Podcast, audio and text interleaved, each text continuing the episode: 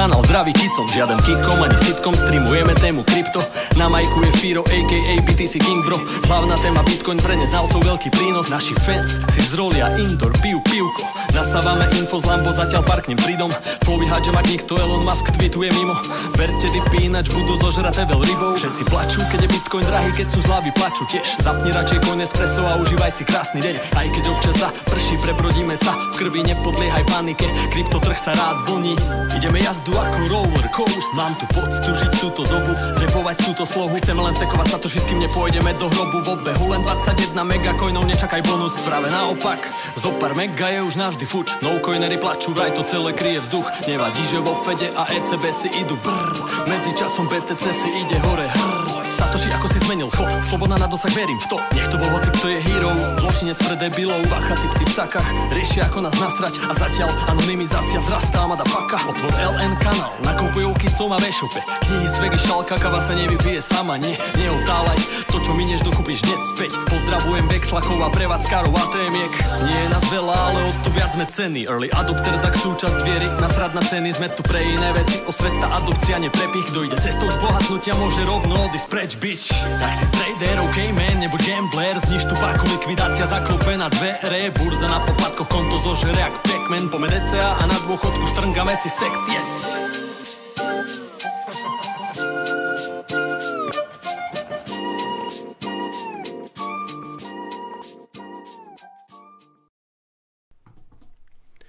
Zdarec přátelé, já vás zdravím na pravidelném streamu Bitcoinového kanálu. Opět se tu po týdnu potkáváme v náš pravidelný čas úterý 20.00.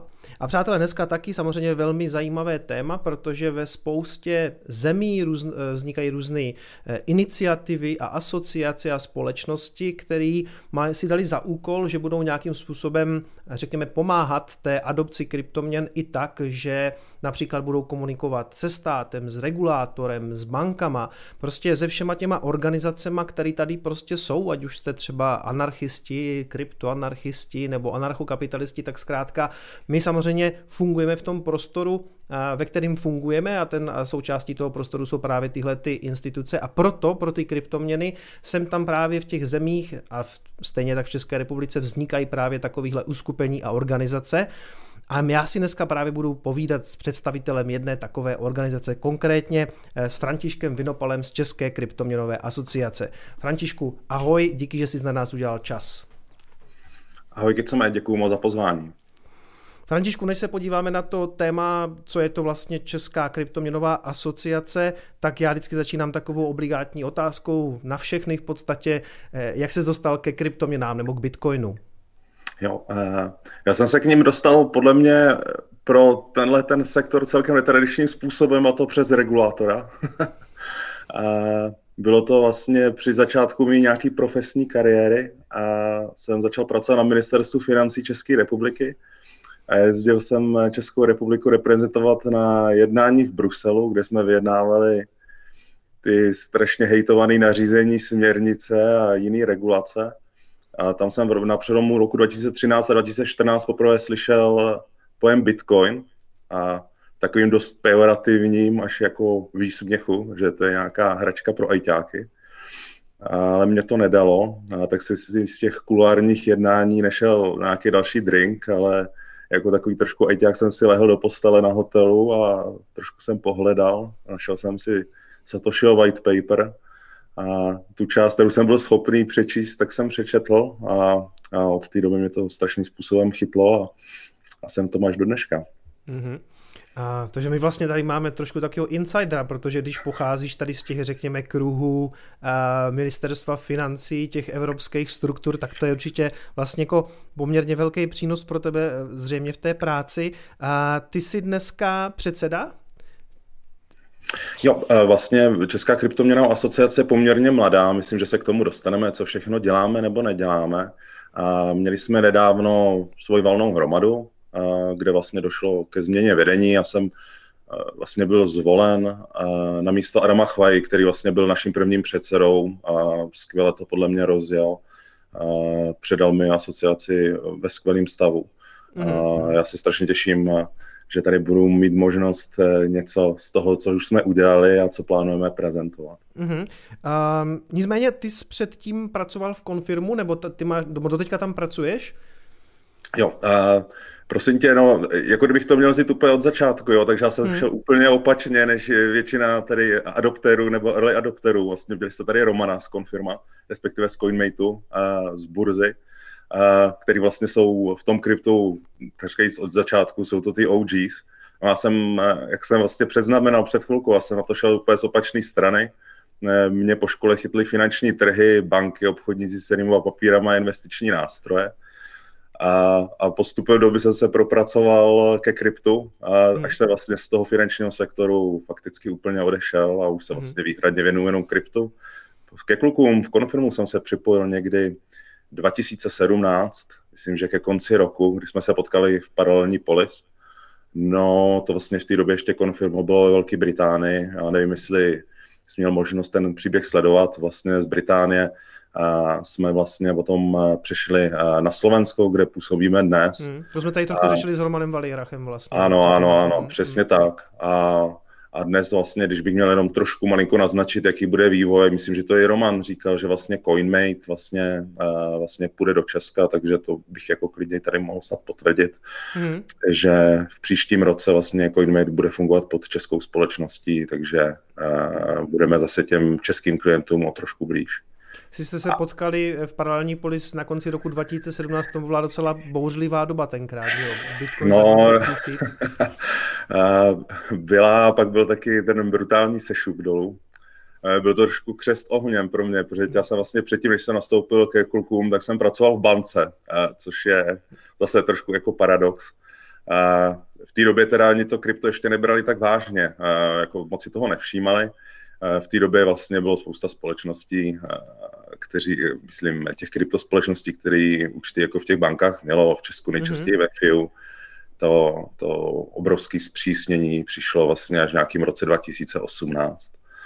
A, a, takže ten křest ohněm byl v tom, že ten, ten pík byl neuvěřitelný, ten, ten zájem klientů byl, byl neskutečný a vlastně splnit všechny ty eh, právní povinnosti, co ty máš jako eh, hmm. osoba, která provozuje burzu, je neuvěřitelná, takže vím, že to byly stovky nových klientů denně a ověřovat ten původ prostředků, jejich doklady a tak dále. V podstatě člověk eh, šel spát a měl tam těch stovek klientů jakoby znovu, to byl jako nekončící boj, takže bylo to trošku, jak říkám, křest ohněm, hmm ale byla to skvělá škola, celkem rychle jsem se do toho vpravil a pochopil jsem, že ten eh, bankovní sektor se od toho kryptosektoru trošku liší. Mm-hmm.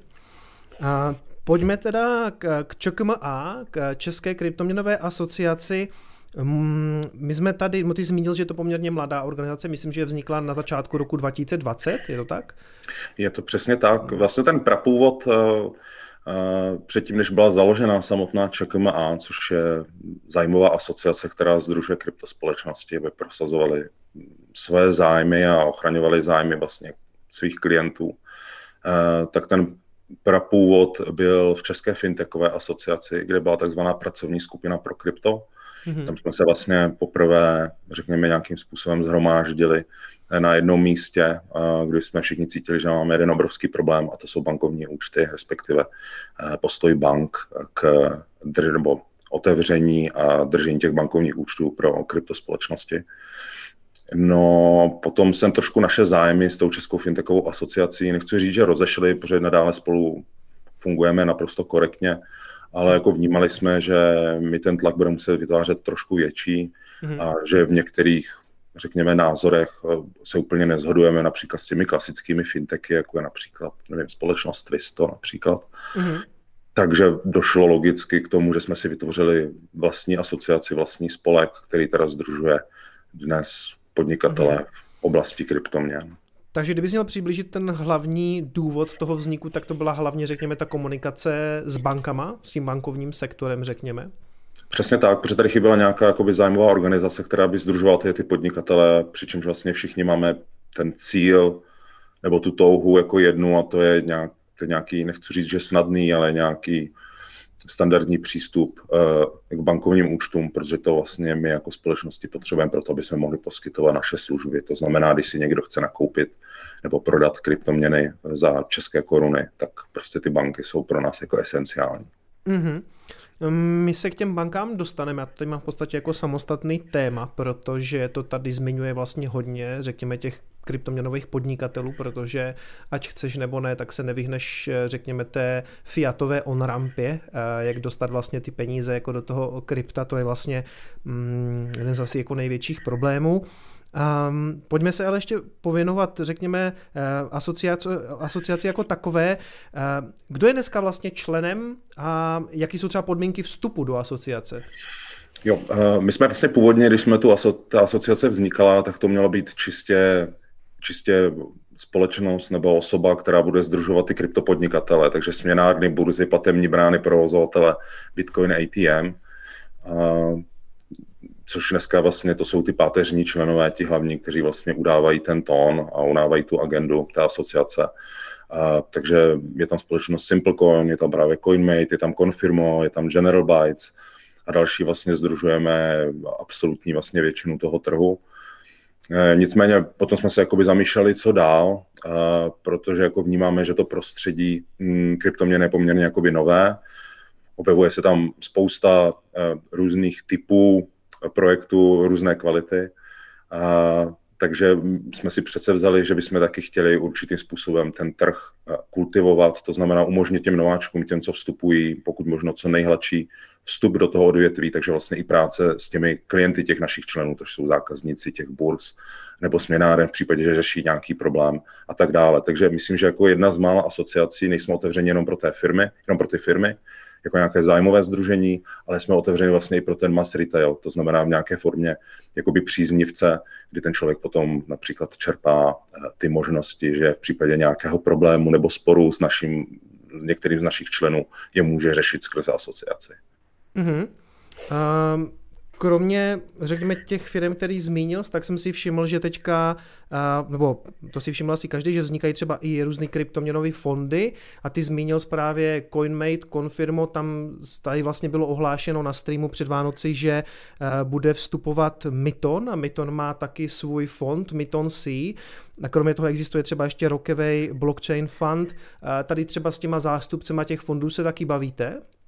Jo, tak my se bavíme, ta komunita jako není velká, takže jak nějaký osobní úrovni, například z toho rokové se bavíme, já jsem teda původem právník, takže jako právníci se známe, takže víme o sobě, plánujeme nějaké společné projekty nebo iniciativy a u Mytonu to je vlastně jako poměrně na snadě to, co vlastně říkal minulé Roman, vlastně Myton C, nebo skupina Myton vstoupila do odvětví decentralizovaných financí kryptoměn Webu 3 takže i tam vlastně oni podporují jednotlivé projekty, konference, takže se potkáváme na těch, těch akcí a myslím si, že ty zájmy a ty cíle jsou vlastně zhodný.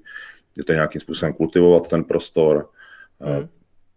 je tady zájem na tom, aby tady byla zvýšena ta gramotnost, nejenom jakoby ve vztahu k nějaké finanční gramotnosti, ale i nějaké IT gramotnosti. Mm-hmm. Já se jenom dívám, že mi tady uh, fanoušci píšou, že máme trošku nevyvážený hlasitosti, takže vás jenom poprosím, přátelé, jestli už je to teďka lepší. Já jsem se trošku přidal a naopak Františka jsem trošku, Františkovi jsem trošku ubral 2 decibely, ale už by to mělo, se dívám tady na těch indikátorech, na těch, na těch šavlích, že už by to mělo být lepší. Uh, ty znastínil uh, vlastně ty cíle, vůbec jako existence České kryptoměnové asociace. Na čem se třeba teďka aktuálně pracuje? Já vím, že ty jsi zmínil třeba nějakou existenci něčeho, jako je kryptoombudsman. Co to je? Hmm. No, těch projektů a streamů je několik. Jo. Já, co jsem se po tom mém zvolení jako předsedou snažil, je se teďka setkávat s kryptokomunitou jednotlivými členy, nějakými zajímavými projekty.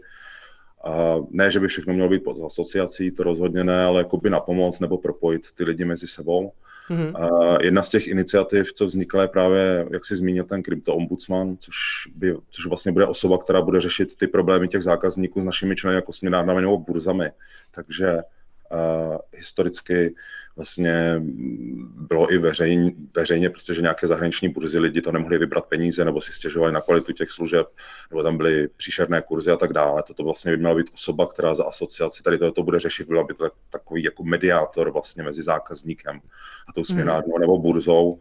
Zároveň by vlastně uh, vlastně zvyšovala, řekněme, nechci říct, jako, že prestiž, ale to slovo toho kryptosektoru právě ve vztahu k tomu bankovnímu sektoru, protože vlastně něco jako forma ombudsmanství existuje dneska v každé eh, větší bance, takže je to vlastně institut, který je těm bankám poměrně blízký.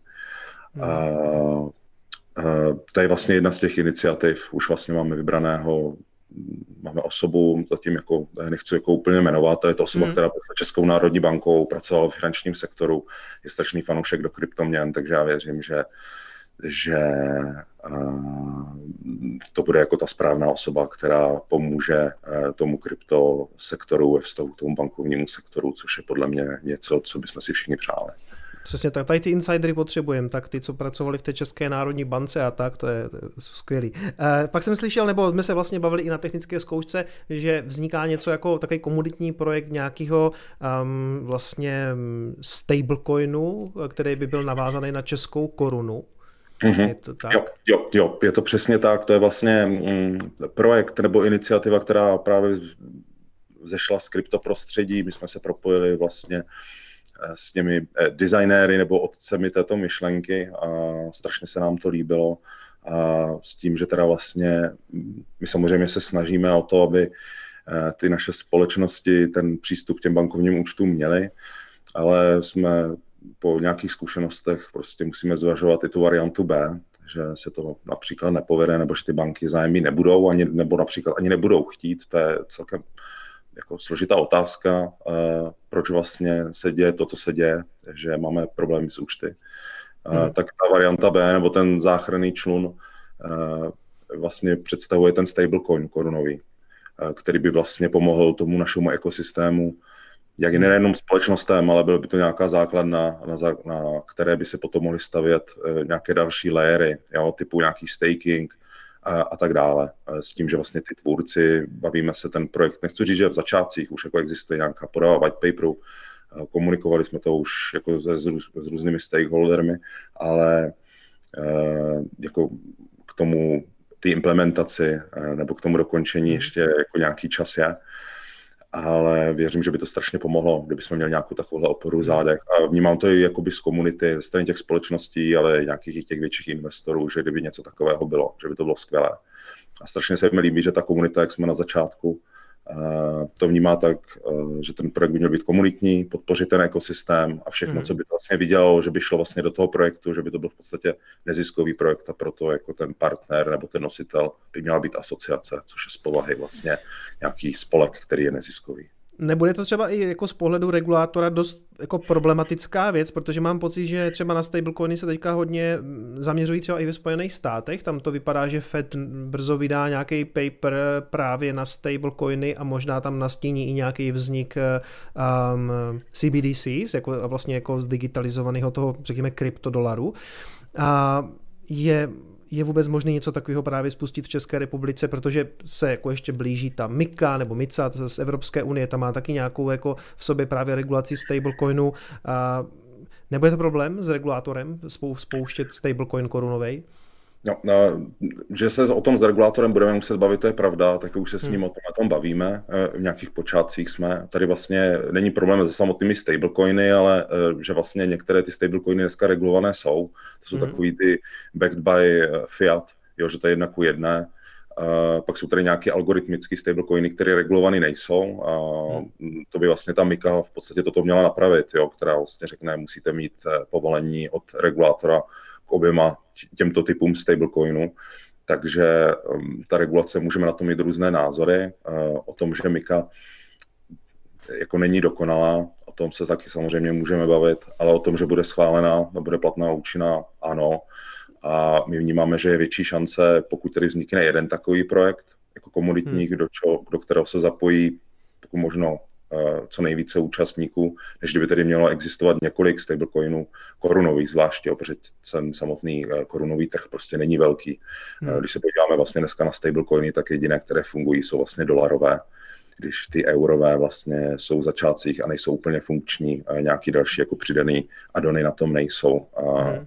Takže bych úplně jako nevnímal, že by bylo jako správný, kdyby si tady každý to tak trošku hrál na svým písečku a každý by si chtěl vytvořit nějaký ten korunový stablecoin a z toho, a z toho rýžovat eh, nějaký zisk.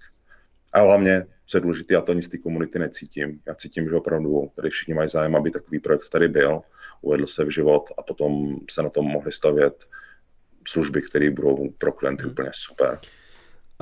To se pomaličku vlastně dostáváme k dalšímu tomu, řekněme, subtématu a to je nějaká právě regulace a vztah s regulátorem, což bude asi jedna z těch věcí, co asociace bude řešit. Každopádně já jsem chtěl, přátelé, říct, že tento stream bude probíhat jako každý můj stream, to znamená, my si budeme tady s Františkem 90 minut povídat zhruba do půl desáté, pak přijde čas na vaše dotazy, které můžete klást přes Slido. Link je v popisku tady toho videa a zároveň taky vlastně v pravém dolním rohu pod Františkem eh, svítí ten QR kód, takže ten stačí naskenovat a můžete se ptát, ještě jednou opakuju, o půl desáté přijde řada na vaše dotazy.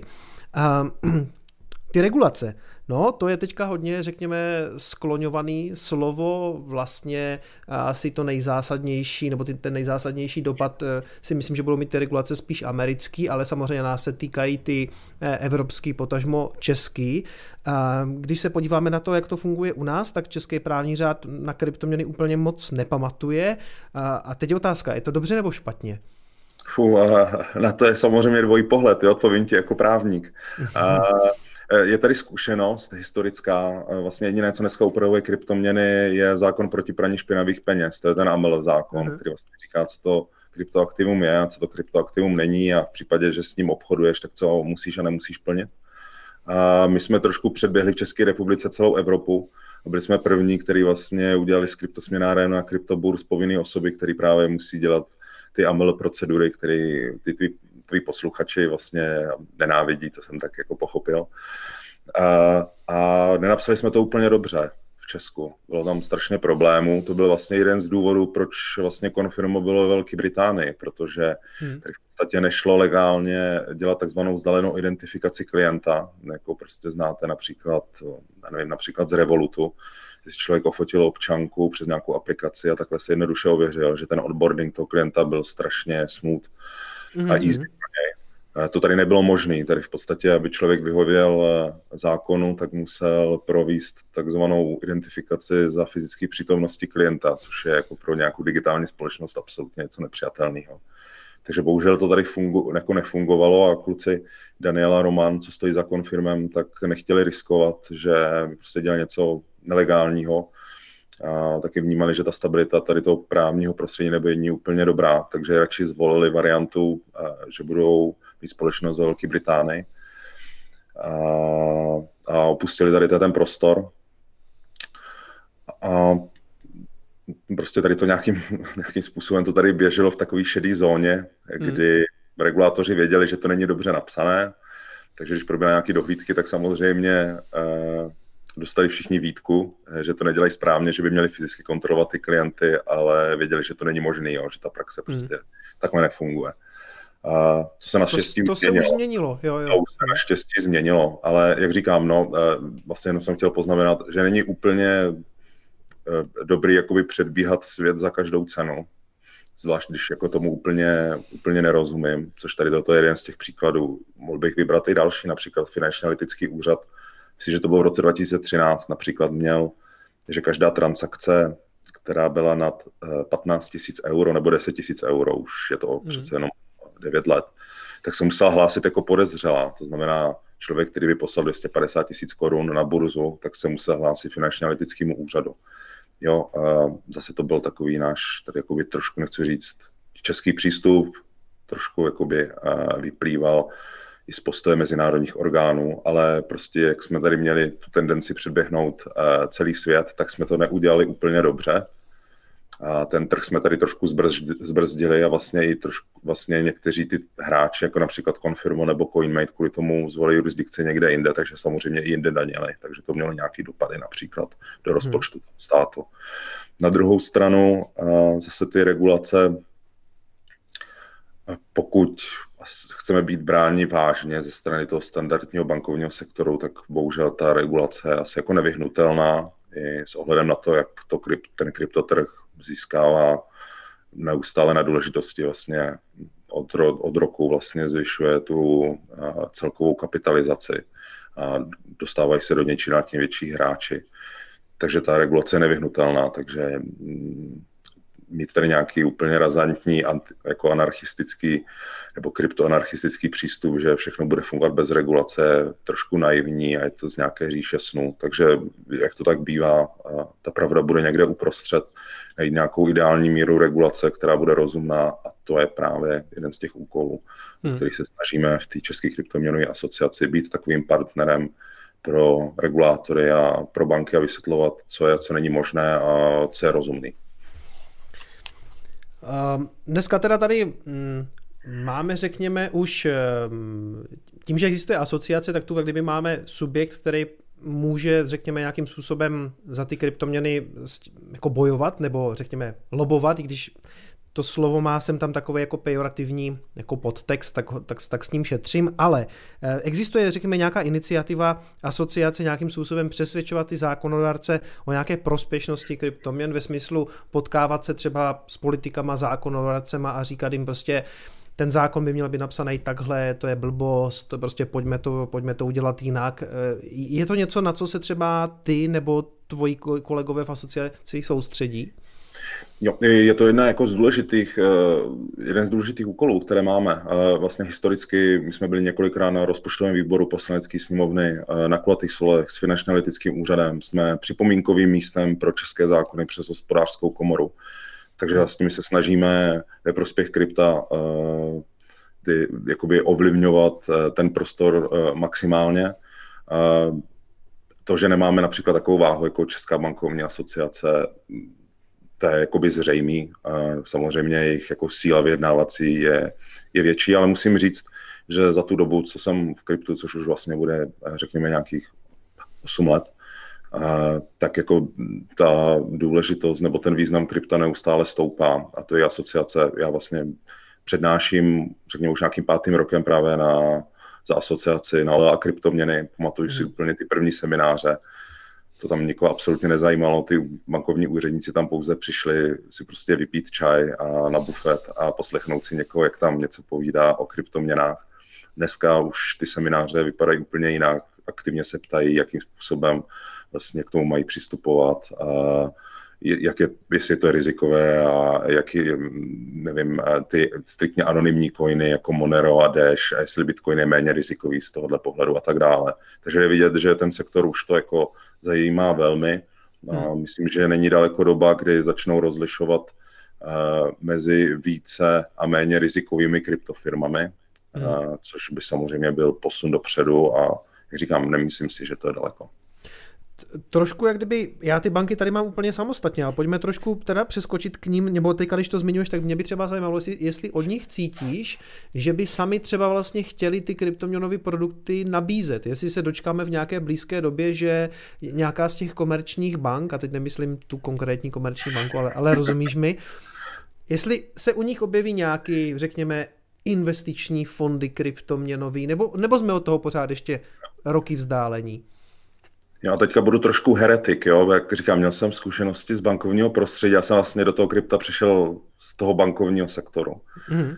A, a i u mě se to vyvíjelo, ten názor. A taková ta běžná představa, že ty banky jsou ti největší zlořádi a oni to krypto strašně nesnáší a chtějí mu co nejvíc škodit, prostě není úplně pravda.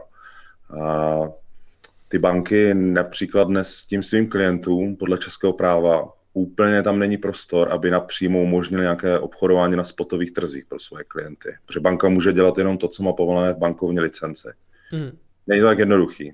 To je hmm. AD 1. AD 2 spousta našich bank je vlastně na zahraničními matkami, takže nemají úplně nějakou svobodu rozhodování v tom, co budou a nebudou dělat, takže vlastně musí spoléhat eh, na to, co vlastně řekne i mateřská instituce, to je AD2. No a AD3 je to prostě, pro banky je to rizikové, zaprvé, protože to neznají, je to nové. Banky se odpovídají regulátorovi, což je v našem případě Česká národní banka, která je spíše taky konzervativní, ačkoliv oficiálně říká, nechceme kryptu pomáhat ani škodit, ale prostě oficiálně říká, je to více rizikový instrument a ty banky pro ně to představuje nějaké zvýšené náklady, umožnit takovým klientům mít otevřené účty nebo svým klientům umožnit nakupovat a prodávat krypto. Hmm. Takže zatím třeba ani nevidí zatím ten business case pro sebe.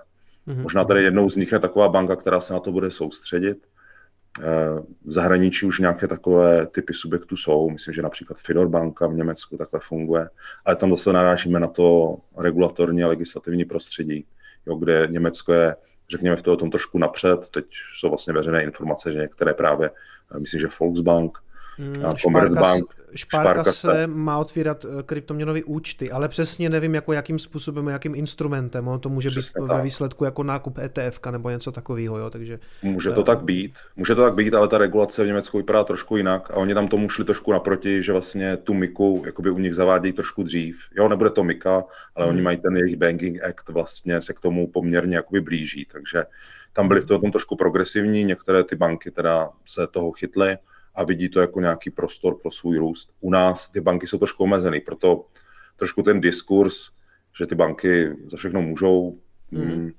jako mohly by tomu jít víc naproti, ale prostě taky mají svázané ruce. Jo, jo, jo takže regulací. Hmm. Mm, jo, a my to vidíme, promiň, my to vidíme vlastně každý den, když s těmi bankami jednáme na půdě České bankovní asociace.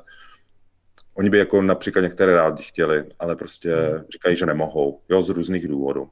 Ještě se k tomu vrátíme za chviličku těm bankám, že to je určitě zajímavý téma, který právě řeší jako spousta, řekněme, i těch firm, které jsou třeba vašimi členy. Každopádně ještě zůstaňme u těch regulací, uh, si chci podívat na jednu konkrétní věc, a to jsou samozřejmě daně. My jsme tady nedávno řešili i s Kirillem Juranem ze Simple Taxu a já jsem to vlastně zmiňoval, nebo co by vlastně všem, nebo co by my samozřejmě všichni chtěli je, aby um, třeba pro kryptoměny, ať se na ně dívá regulátor jak chce, pokud by se na ně podíval spíš jako řekněme jako investici, tak kdyby bylo vlastně možný uh, na ně nějakým způsobem dostat třeba časový test, jako je na akcích. To znamená pro akcie, pokud uh, si pamatuju dobře, tak platí vlastně tříletý časový test nebo operace do 100 000, respektive realizace zisku do 100 000 korun.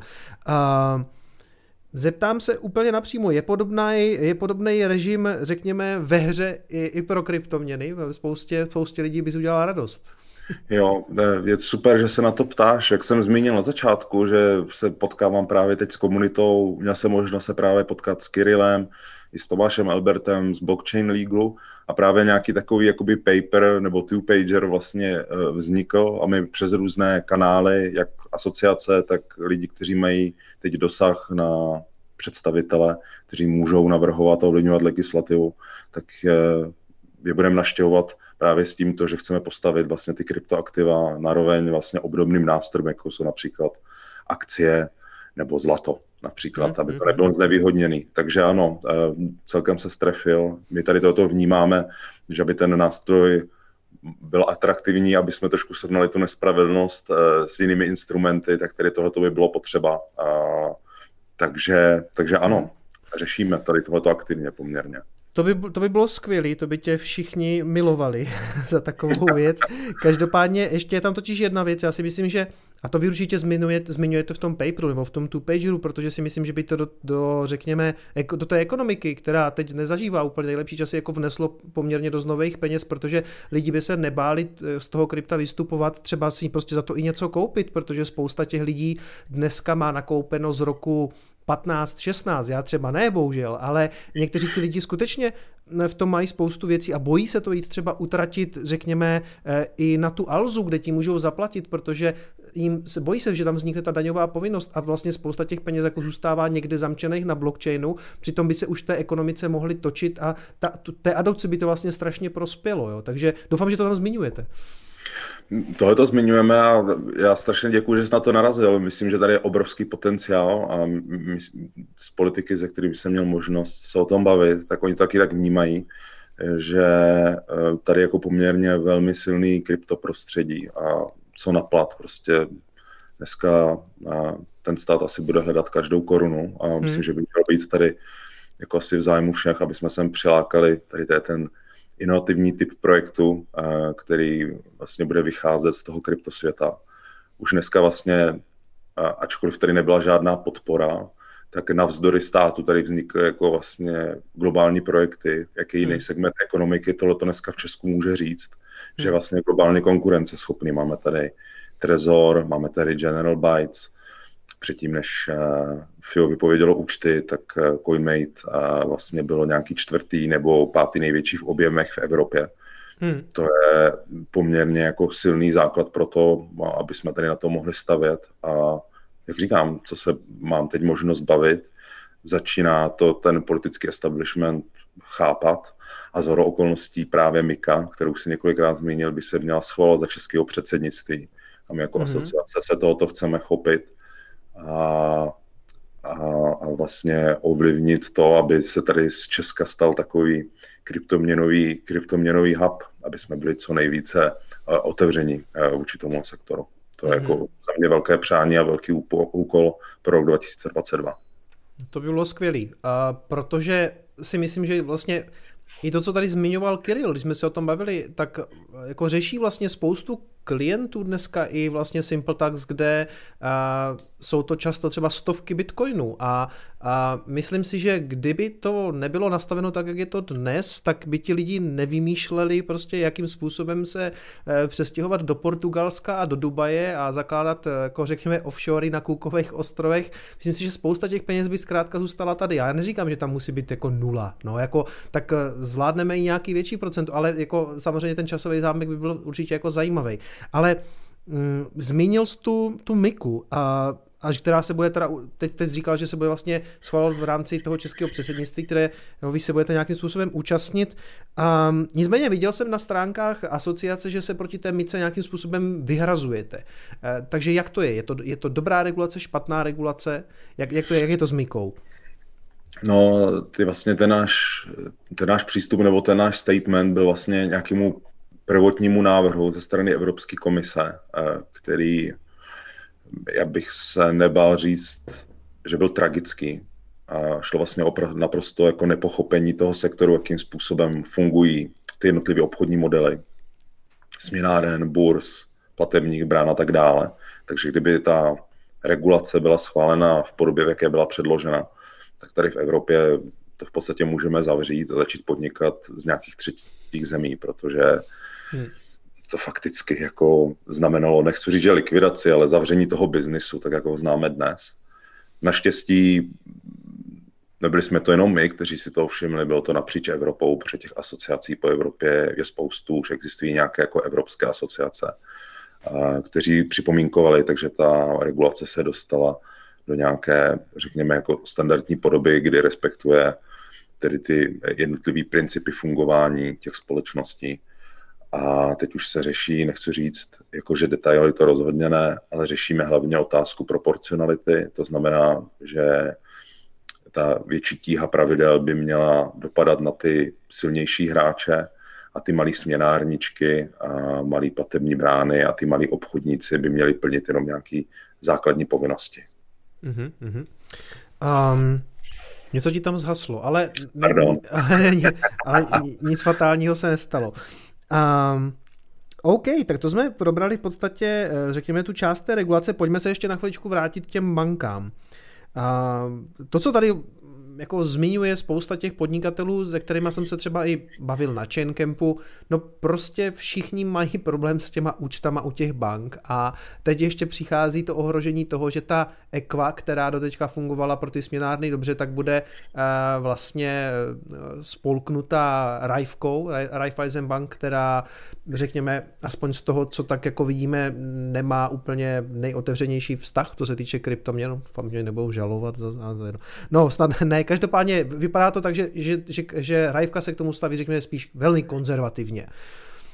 Co s tím? Jak, jak, bavíte se teďka, ty, ty jsi říkal, že se bavíte vlastně i s těma bankama, ale je tam, nějaká, je tam nějaký eh, světlo na konci tunelu s tím, že do budoucna chtějí otvírat ty účty, nebo budou tu, budou tu banky, které budou chtít spolupracovat s těma kryptoměnovými firmama? Ty jednání jako probíhají neustále. A u těch velkých bankovních domů, protože se jedná o obrovský kolosy a korporátní a byrokratický molochy, tak prostě než z nich hmm. vzejde nějaké rozhodnutí, které by vlastně otočilo dosavadní praxi, tak to je opravdu jak otáčet tankerem. Takže to je běh na dlouhou trať, takže tam tu šanci vnímám minimálně do doby, než bude právě přijata ta Mika. Pak si myslím, že jakmile budou ty jednotlivé kryptospolečnosti pod dohledem České národní banky v případě České republiky, tak že tam se dveře otvírají poměrně dost. Do té doby hm, spíš vnímám ten prostor u menších českých bank nebo kampeliček, které jsou jako více samostatné, ale tam zase trošku závisí na jejich odvaze a nějaké jako finanční připravenosti eh, do toho trošku investovat, eh, protože budou muset prokázat, že mají dostatečně nastavené systémy a jsou dostatečně personálně a hlavně jakoby mají vybavení z pohledu know-how, to znamená, že ty technologie rozumí, aby si byli schopni obhájit před regulátorem. Víme, že to je rizikové, ale umíme ty rizika mitigovat. Hmm. Takže pokud bych měl hovořit za sebe a to, co já dneska vnímám z trhu, kdy se s těmi ústavy bavíme, spíše vnímám ten prostor u těch menších institucí. A, a strašně bych si přál, aby něco takového vyšlo. Ten progres bohužel je pomalý a trošku vnímám, že ten čas se krátí, protože Equabanka vlastně, nechci říct, že už legálně zanikla, ale už funguje pod IČem Raiffeisen Bank, Mm-hmm. A jak si sám naznačil, Raiffeisen Bank eh, skupina je vůči kryptu hostilní. Pěkný právnický slovo. Tady se Race ptá, to je zajímavé, jestli třeba Brains nebude zakládat banku, ale já to trošku přeformuluju. Není tady možnost, a už znám to předu skoro jako odpověď, ale že by se ty, řekněme, společnosti všechny spojily a třeba pod hlavičkou a se založila prostě banka, která bude crypto-friendly. Jako samozřejmě hypoteticky ta možnost existuje a můžu říct si, bylo to myslím, že ještě před covidem, jsme se i na tohoto téma bavili, nebo to teda banka, ale kampelička, už existující, že by teda jsme si něco takového koupili, ale ty, ty náklady s tím spojené, a ta administrativní zátěž je tak obrovská a pokud člověk nemá to know-how ani ten personál sebou, tak to fakticky nejde provozovat. Hmm. A pak je samozřejmě i problém trošku s regulátorem, že i to, když člověk by to vůbec nechce mluvit o zakládání, což je v případě banky proces na minimálně dva až tři roky. Hmm. A v případě převzetí nějakého takového ústavu a změnu jeho obchodního modelu, protože zatím tady žádný takový ústav, který by byl crypto-friendly minimálně není, tak i to zabere minimálně rok a půl, rok, rok a půl, než by se to České národní bance dostatečně vysvětlilo a ani tam není jako jistota, toho, že eh, by takový jako projekt před tím regulátorem uspěl a takový obchodní model vůbec nebyl schválený. Takže eh, to nejvíc pravděpodobné je prostě spolehat eh, na to, že se nám povede přesvědčit nějakého tržního účastníka, že krypto má smysl a že to pro ně příležitost. Což my věříme, že by mohl pomoci právě ten, chci říct, že tlak ze strany veřejné moci, to vůbec, hmm. ale že nějaká změna legislativy, a ta edukace ze strany nás, ale celé komunity eh, vůči bankovnímu sektoru by prostě nám otevřela dveře a těm firmám pomohla, protože by to byla strašná škoda, kdyby tady prostě jsme byli jedna z mála zemí, která by neměla přístup k účtům. Fakticky, mm. protože pokud Equabank skončí, tak vlastně už tady není dnes v Česku jediná banka, která by mm. kryptospolečnostem vedla účty to by bylo v celku paradoxní pro takovou vlastně českou, nebo tu kryptoměnovou velmoc, jako to Česko nebo Československo je, protože tak jak sám zmínil, spousta prostě funkčních biznisů jako paradoxně se nedostane, potom jako ne, ne, nemá možnost si otevřít jako účet v bance. A, tak bude možná muset počkat na nějaký nepřátelský převzetí České národní banky bitcoinerama. A, každopádně, Eh, kryptoměny jako nějaká, řekněme, technologická novinka eh, dost trpí tím, že v tom prostoru se objevuje spousta různých jako pochybných projektů, loupostí. bohužel taky teda podvodů a já se s tím bohužel potkávám tak, že mi třeba lidi píšou různé věci, kam poslali peníze, sem tam se teda jako divím, proč něco takového dělali, nebo prostě proč si zakládali účet u brokera na Kajmanských ostrovech nebo na, nebo na Virgin Islands. Říkal jsem si, proč teda nejdou na nějakou tu českou směnárnu. Každopádně je tohle je taky nějaká agenda, které se eh, asociace nějakým způsobem věnuje nebo chce věnovat podvody? Mm, nevím, jestli jsi měl možnost, eh, vydávali jsme eh, stanovisko k projektu Xixojo, a, což je projekt, který jako u nás v asociaci zbudil celkem podezření a chtěli hmm. jsme vlastně ten trh před konáním a jednáním tohoto účastníka upozornit. Vlastně navázali jsme i na to, co v podstatě řekla Česká národní banka, ministerstvo financí i spousta známých osobností. Nevynalezli jsme kolo. A, a jako já už jsem zmínil, jo, naše, naše role je v té kultivaci. To znamená, my se chceme zaměřit vlastně na tu prevenci samotnou, to znamená školení, zvyšování finanční gramotnosti, ale i IT gramotnosti, aby prostě toho člověka nenapadlo, nebo, nebo spíš napadlo, aby si přečetl podmínky a byl schopen zvážit nějaký základní znaky toho projektu a říct si, do tohohle opravdu investovat nebudu, protože tady něco nesedí.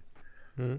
Ale na druhou stranu jsme si vědomi, že toto je eh, jako boj eh, na celkem dlouhou dobu, takže je potřeba i vlastně ty, ten trh upozorňovat, pokud zjistíme, že jsou tady nějaké projekty, které vykazují rizikové znaky a, a ty klienty upozornit, což bylo například právě v tom projektu Xixo, takže ano, asociace eh, hmm. se zabývá, eh, sonduje, vlastně přichází k nám informace od členů, hmm. od burz, od směnáren, před klienti se ptají, eh, co to je, nebo chtějí pomoct dokonce. Myslím, že historicky například společnost SimpleCoin, Pavel Nidoba a upozorňoval na aktivity eh, kryptošlechty z panáku nebo pana, pana Čmolíka, což šel z kůži na stálice, stálice trošku ano, ten Čmolík. Ano, hmm. ano, ano, což eh, vlastně mu slouží ke cti, potom ho tam celkem nevýbíravě hm, si ho dobíral v rámci svých videí. A jako hmm. my asociace vnímáme, že bychom se za to spíš měli postavit jako skupina vlastně těch společností, která má nějaké renomé a nějaký kredit chce tady působit jako po právu a nabízet klientům co pokud možno ty nejlepší služby na nějakým normálním trhu. A tady na tyhle ty pochybné aktivity jako důrazně upozorňovat. Takže ano, něco takového plánujeme. Um, když se mi takhle sem tam stane, že mi někdo napíše, uh, že se stal obětí nějakého, řekněme, podvodu, já vlastně moc nevím, co s tím můžu dělat, protože eh, jako, uh, já za prvé nemám čas to řešit, za druhé nejsem právník, za třetí prostě to není jako úplně moje agenda a bohužel jako takový e-maily dostávám. Je třeba možnost uh, těm lidem poradit, aby se obrátili na ČKMA s tím, že tam třeba vznikne, nebo, nebo tak jak mluvil o tom kryptoombudsmanovi, víš, že si se třeba nějakým způsobem do budoucna jako postaví za nějaký práva tady těchto lidí, nebo jestli je to agenda, kterou budete řešit? No, e, zase vlastně úplně skvěle navazuješ na to, co jsme zmínili v tom projektu Xixo. Ten například je velmi pochybný v tom, že vlastně klientům se vyvinuje naprosto ze všeho a neumožňuje vlastně si zpětně vyměnit ty jejich hmm. vydávané Xix tokeny zpátky hmm. za Fiat. A požádali jsme nebo vybídli jsme klienty této společnosti, pokud měli nějaké problémy, aby se na nás obrátili. Někteří tak učinili, takže určitě pokud se na tebe obrátí uh, tvoji posluchači a diváci a budou cítit, že mají nějaký problém nebo že se jim stalo nějaké příkoří, tak určitě je můžeš nasměrovat na nás. Hmm. A my spolu právě s kryptoombudsmanem to budeme řešit pokud by to byla nějaká masovější záležitost, tak k tomu vydáme stanovisko a, hmm. a, a, a ty, jak říkám, má, má, ta asociace má sloužit ke kultivaci toho sektoru a jedna ze součástí té kultivace je, aby na ní působili legitimní účastníci. Hmm. Myslím, tam je to poměrně jako smutný čtení, bohužel, ty e-maily. A rovnou, když mám tu příležitost, tak to tady zmíním. Teďka chodí a vidím to i ve facebookových skupinách, že se na lidi obrací někdo, kdo zastupuje údajně společnost blockchain, což vlastně je nějaká jako služba typu, kde se dají kryptoměny nakoupit.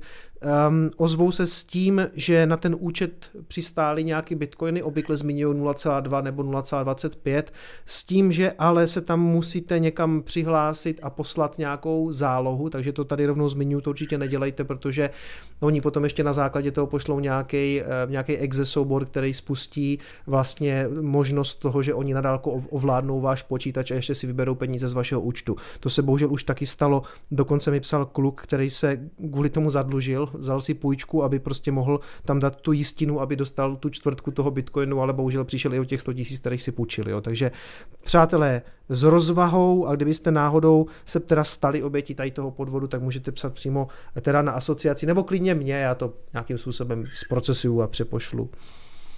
Jo, bohužel někdy jsou to neuvěřitelně smutné příběhy a, a je trošku vlastně dluh asociace, nebo my to vnímáme jako důležité, aby jsme tu gramotnost zvyšovali protože jako je marný se domnívat, že bychom potom jak ex post byly ty, ty problémy všechny byli schopni vyřešit.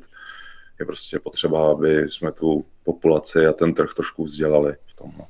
Když zmínil jsi ty, řekněme, zvláštní projekty typu Xixojo nebo kryptošlechtu z paneláku projekt Kauri a jiné. Mimochodem teďka pan Šmolík už podává i NFTčka, k tomu se za chvilku dostaneme taky.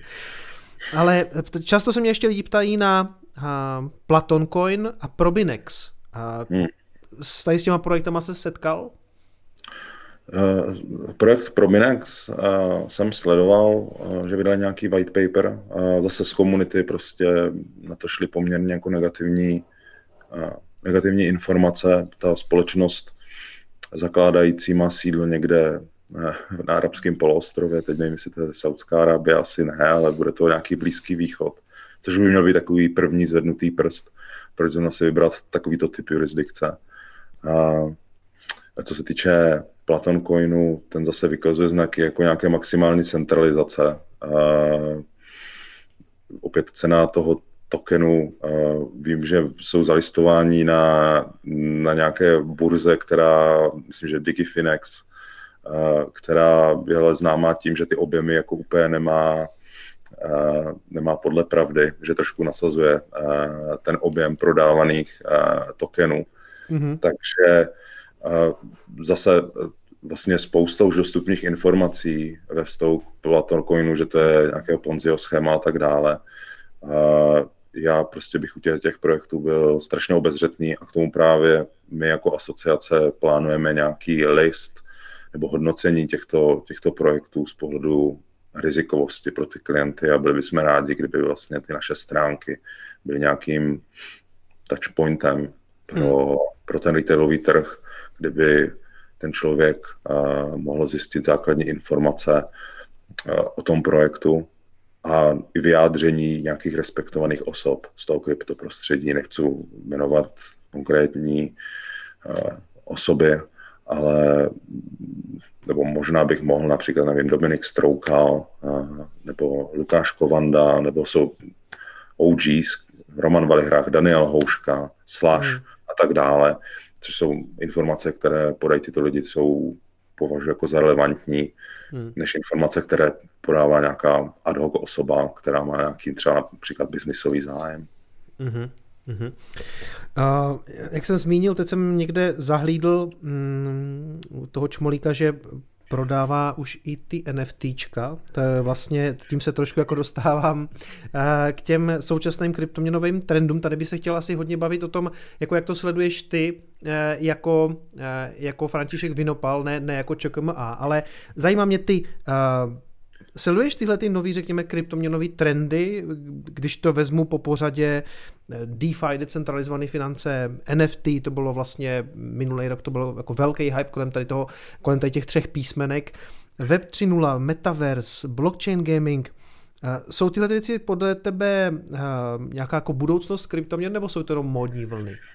Fuh, a co se týče NFTček, tak eh, to jsem absolutně nestihl a absolutně tomu nerozumím. Zdá se mi to až zvěrstvo, co se okolo eh, toho momentálně děje. Trošku mi to připomíná ICO horečku, hmm. Eh, která proběhla před pár lety, ale říkám, nerozumím tomu, nechci to odsuzovat, ale zdá se mi to opravdu přepálený. A co se týče DeFi a webu 3.0, a to se snažím poctivě studovat a sledovat ty trendy, ale je to tak rychlý, že se mi zdá, že to snad jako nikdy nebudu schopen doběhnout. A mně se líbí vlastně ta koncepce toho, že nepotřebuješ, že tomu, abys dělal bankovnictví, tak nutně nepotřebuješ banky. Mm-hmm. Že se mi líbí, že vlastně na tom DeFi eh, já si můžu vybrat velmi uživatelsky příjemně, kde chci vlastně v podstatě mít obdobu terminovaného účtu, nebo si můžu půjčit nějaký, nějakou půjčku za kolaterál, děje se to velmi mhm. rychle, automaticky je to samozřejmě velmi příjemný v tom, že zatím není žádný stav, není tam žádný jako personální projekt typu lidský chyby. Na druhou stranu je to potom přísný, když udělá chybu ten uživatel, že tam není nikdo na telefonu nebo za počítačem, který mu posky, mohl poskytnout zapomenutý heslo, anebo teda tu transakci zrušit. No to v podstatě taky platí, on to platí i pro Bitcoin, že jo? To, mm. to, to je jako vlastně jedna z věcí, to, to převzetí té odpovědnosti za ty peníze mm, bude pro spoustu lidí si myslím, že poměrně náročná. A Teď ještě, řekněme, trenduje slovíčko um, metaverse, uh, vlastně nějaký digitální, virtuální světy, hodně to řekněme, bych řekl pump nul trošku i Facebook, který se přejmenoval oficiálně na Meta Platforms, ale říkají si Meta. Um, sleduješ tady to, tady tu, řekněme, novinku v tom, že um, vlastně ty kryptoměny budou tvořit nějakou, nebo i ty NFTčka třeba budou tvořit nějaký součástí tady těch digitálních světů. Sleduješ to, nebo to jde aktuálně mimo tebe?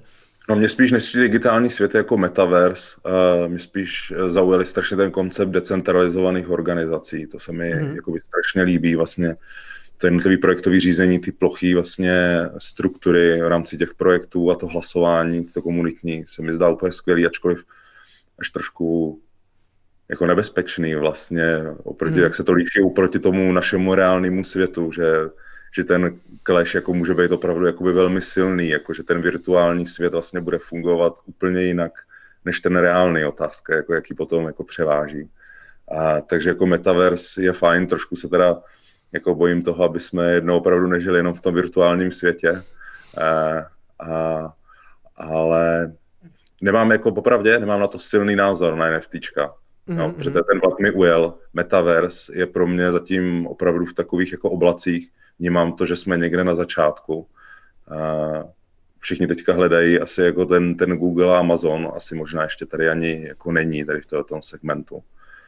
A jako na jednu stranu je to jako velmi vzrušující, ale nejsem schopen prostě to jako všechno pojmout. E, trošku se cítím, nechci říct jako, že OG to ne, ale jako svoji roli já třeba vnímám v tom, že jsem v nějaké generaci, která napomůže, budou to tím on-rampem právě do toho decentralizovaného světa, který už bude patřit ty, ty generaci další, že já umožním tedy nějaký, nebo budu se podílet na přechodu ty naší společnosti směrem do toho krypta.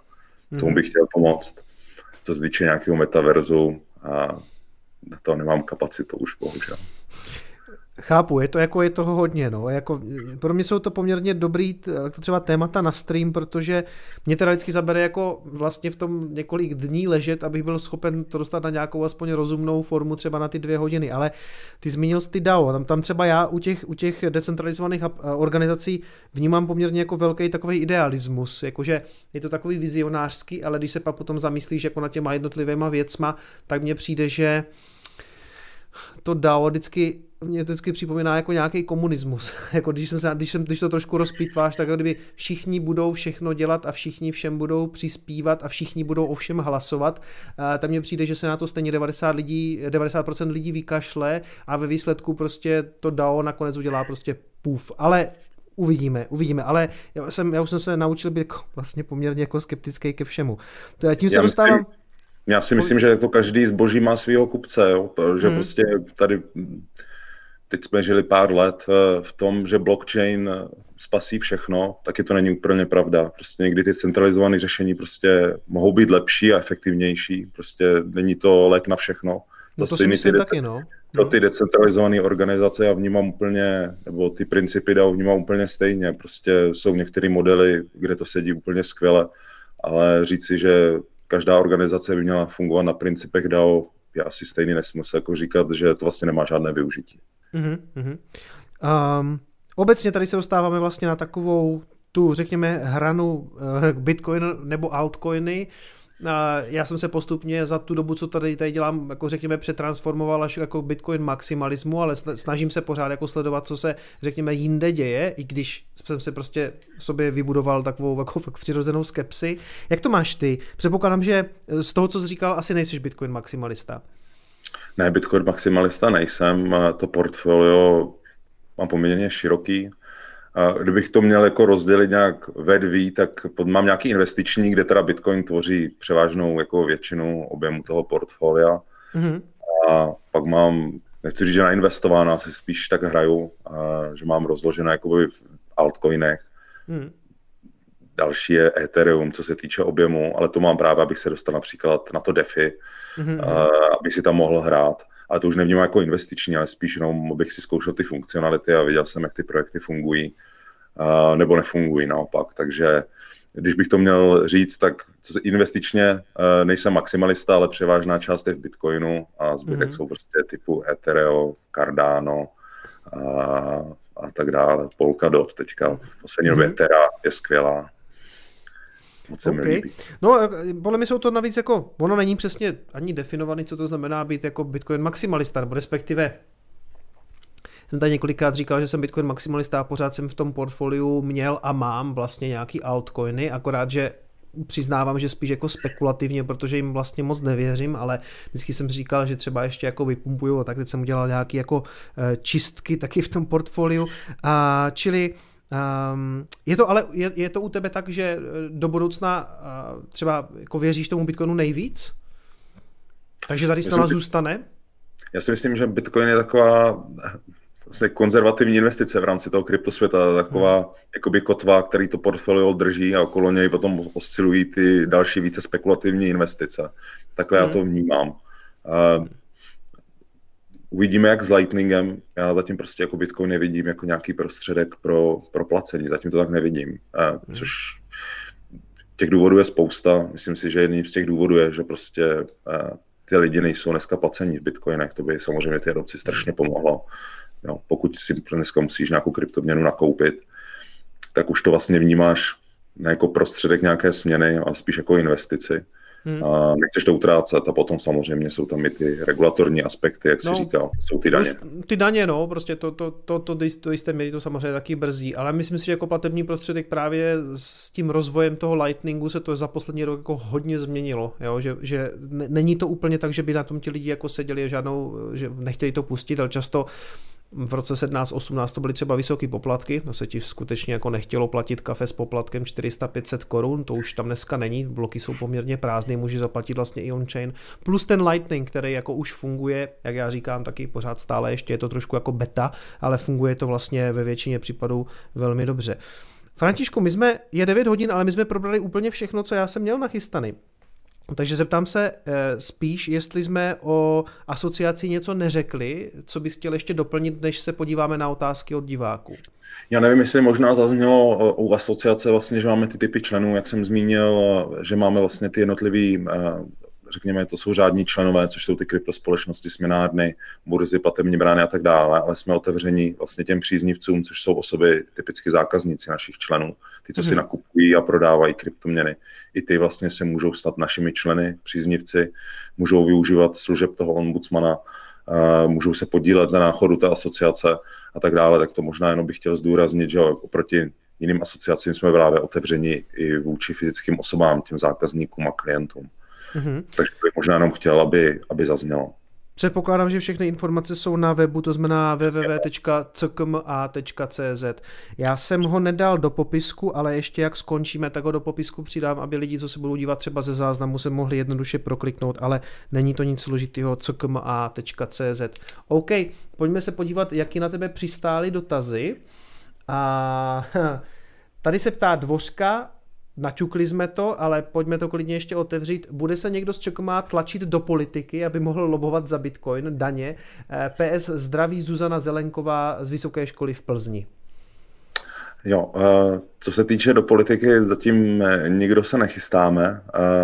Zatím se z politiky jakoby scházíme a snažíme se jim vysvětlit vlastně ten přínos toho krypta pro Českou republiku, protože to politiky zajímá. Takže, jak už jsem zmínil, chodíme za poslanci, chodíme za senátory, chodíme na Českou bankovní asociaci, chodíme všude, kde můžeme za Českou národní banku a přesvědčujeme, že krypto má smysl. Mm-hmm. A myslím si, že se to začíná lepšit.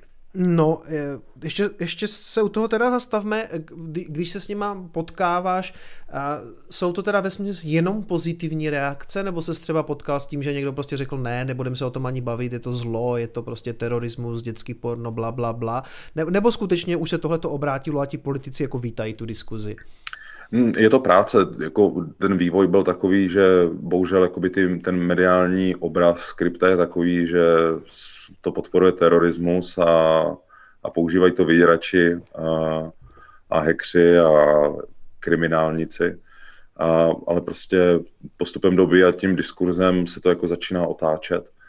A i spousta politiků si myslím, že už dneska třeba i to krypto nakoupeno má. Mm, to si myslím a, taky, no. Hmm. Takže i to samozřejmě změnilo nějaký jejich názor, protože nikdo tomu nemohl utíct, prostě ty mediální masáže, když to roste, tak uh, ten boom je vždycky neuvěřitelný, takže by bylo zvláštní, kdyby žádný politik u nás jako neměl nakoupeno. A, takže t- ten diskurs jako se posouvá pozitivním směrem, bych řekl. Že to začíná zajímat a myslím, že už začíná jim docházet ty implikace. Právě toho typu, co kdyby tady byly tady měli sídlo ty nejvýznamnější kryptospolečnosti a co kdybychom to trošku podpořili a co kdybychom tady nastavili trošku příjemnější zdanění pro ty lidi. Eh, nestalo by se něco jako v Portugalsku, kde vytvořili vůči tomu eh, příznivější prostředí, eh, nechtěli by ty lidi vlastně radši danit tady a tak dále. Takže myslím, že se to hmm. opravdu posouvá jakoby dobrým směrem. Otázka, jestli nás někdo nepředběhne ta herní teorie, respektive ty incentivy se, se samozřejmě jako radikálně změní každému, kdo si to krypto nakoupí, takže prostě, a, a já, si to, já si to myslím taky konec konců, a předseda ČSSD Hamáček a, někde říkal, že vlastně koupeno měl, měl teda prostě to koupený na Revolutu, a tak je to asi noob, tak prostě nějak to, ale to je lepší než nic, každopádně a, dokážu si představit, že rozhodně nebyl sám, no, takže, takže a, oni samozřejmě budou chtít možná a, ty daně upravit i možná na základě toho, že sami taky něco možná drží. Um, Brundibal Braniborský čtvrtý se ptá, tlačíte se aktivně do ČNB, myšleno jako na přednášky, workshopy a tak dále, prostě abyste tam vnášeli osvětu. To jsme taky naťukli, takže i do ČNB předpokládám chodíte. Přesně tak, ČNB pořádá celkem pravidelně kulatý stolik fintechu, vola Kmice, tak tam jsme se samozřejmě účastnili. Uh, jinak jako já ze své historie pracovní uh, jsem, znám kolegy z České národní banky, z ministerstva financí, takže se potkáváme jakoby neformálně, neoficiálně, kdy prostě některý, některé názory pozitivní by jako komunitu překvapily, jak ti, kteří úředníci a zaměstnanci nebe jsou jako kryptopřátelští, ale prostě ten názor té instituce je tvořen jakoby více hlasy a je nějaký finální, řekněme, neutrální. Uh, vůči kryptu minimálně oficiálně. Co se týče jako v nějakých praktických dopadech, asi bych se jenom opakoval, nepomáhat, ale, a, ale ani, a, ani neubližovat. Myslím, že třeba Aleš Michl je poměrně známý svým otevřeným pozitivním názorem k Bitcoinu. Poměrně ano, je to jeden z členů bankovní rady, ale tady je zase potřeba chápat trošku vlastně logiku rozhodování České národní banky, kdy ty, řekněme, jednotliví úředníci mají jsou poměrně nezávislí. Nejedná se o úřad jako například Ministerstvo financí České republiky, kde nějaká subordinace, kde nadřízený má prostě ten byč a řekne tomu svému podřízenému, že tak toto udělá. V České národní bance jsou vlastně ty úředníci na těch, řekněme, nižších úrovních, ne úplně na těch nejnižších, poměrně samostatní a vlastně oni určitou politiku bankovní rada dává jenom nějaký celkový náhled a postoj celkově té instituce, ale to ty konkrétní kroky už potom provádí lidé na úrovni ředitelů odborů a tak dále. Mm-hmm. OK, tady se ptá AIB3, Dobrý večer, zajímal mě názor hosta, jestli bude Bitcoin časem brán jako peníze a tím pádem nebude daň z převodu mezi měnami. Argument El Salvadoru, děkuji. Tady asi Aibe naráží na to, že v El Salvadoru je to vlastně národní měna nebo zákony platidlo. Na tom vlastně v zákoně, ne že by to byla výjimka, ale je to tak, že prostě se nedaní převody měn a když je to teda oficiální měna Salvadoru, bude se to dát, bude se to dát aplikovat, tenhle, tahle ta výjimka na Bitcoin? To, to, to nevím. Vlastně, kdybychom se měli bavit o El Salvadoru, to je takový poměrně jako jediný případ, kdy to rozhodnutí způsobilo jako poměrně, ačkoliv, že se jedná o tak malý stát, poměrně velký šok vlastně v té globální finanční komunitě, protože hmm. nikdo nepředpokládal, že nějaký takový instrument se může stát oficiálním platidlem, takže myslím, že to proběhlo i veřejně, že Světová banka, Mezinárodní měnový fond vlastně jsou organizace založené mezinárodním smlouvou a musí držet nějakou část svého portfolia vlastně v oficiálních měnách těch členských států, což Salvador je.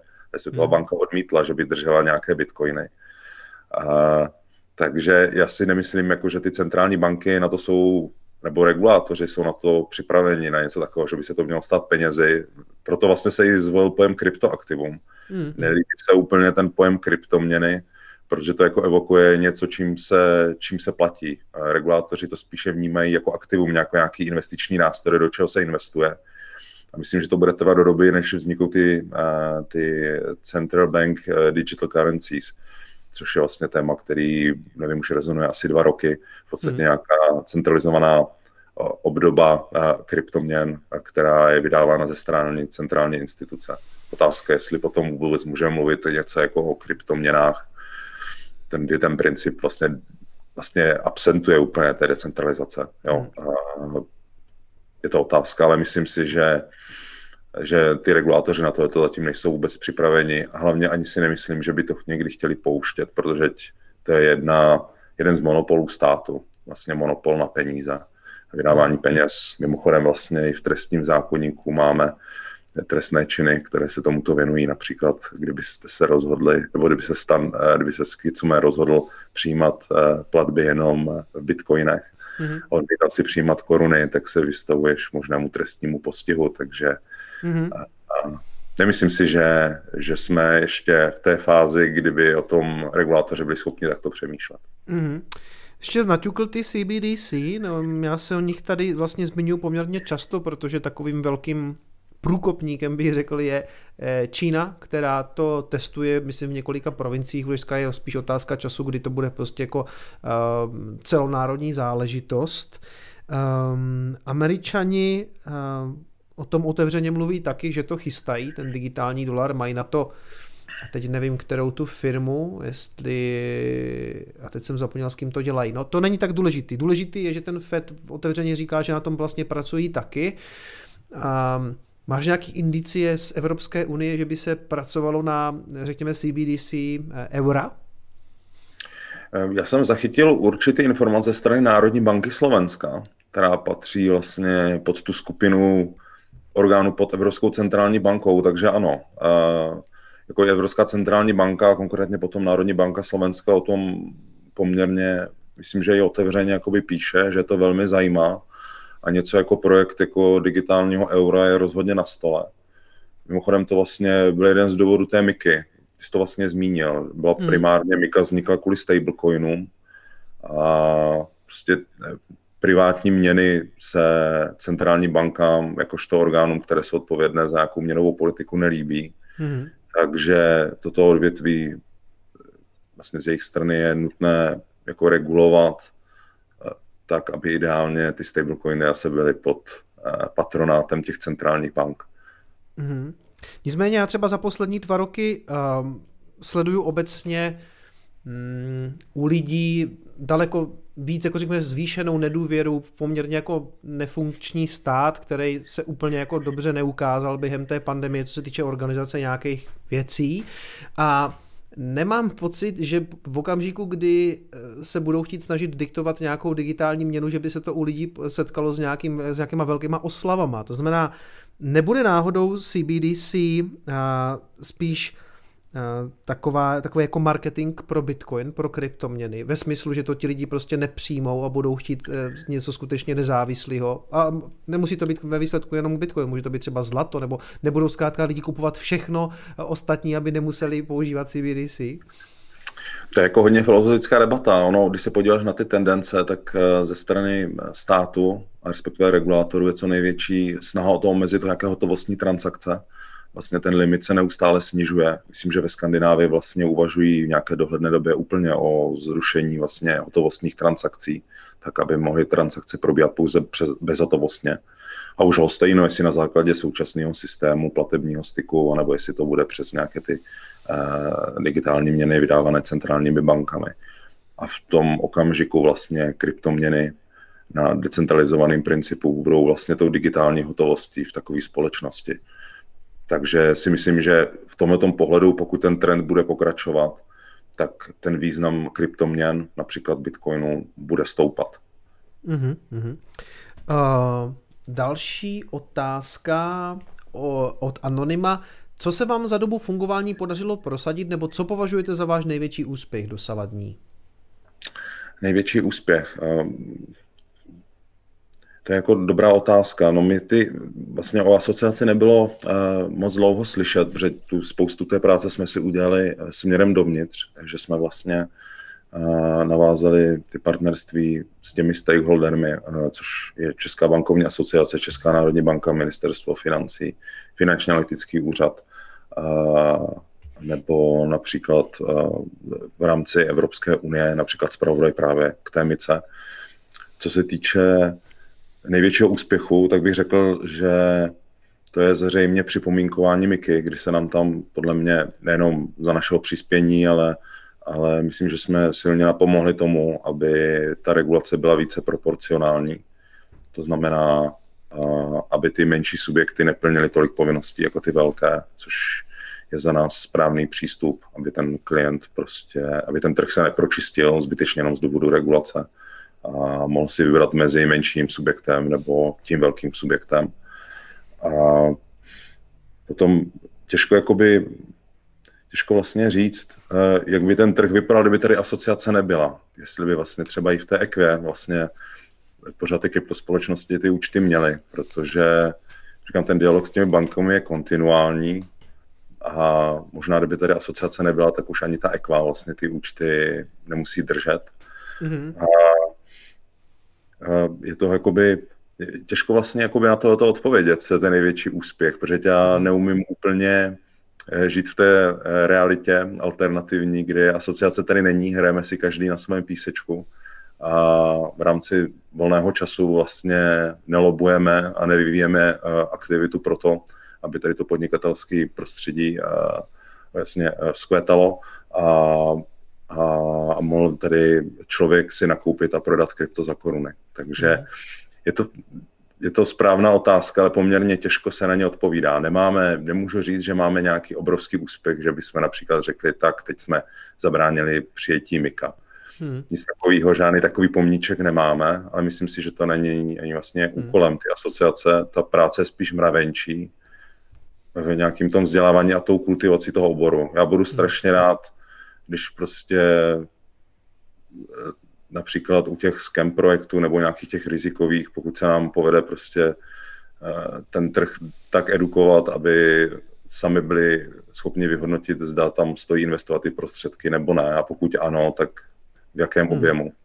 A než tady ukazovat nějakou sbírku úspěchu, že se nám povedlo přesvědčit toho, toho že krypto je dobré nebo ne.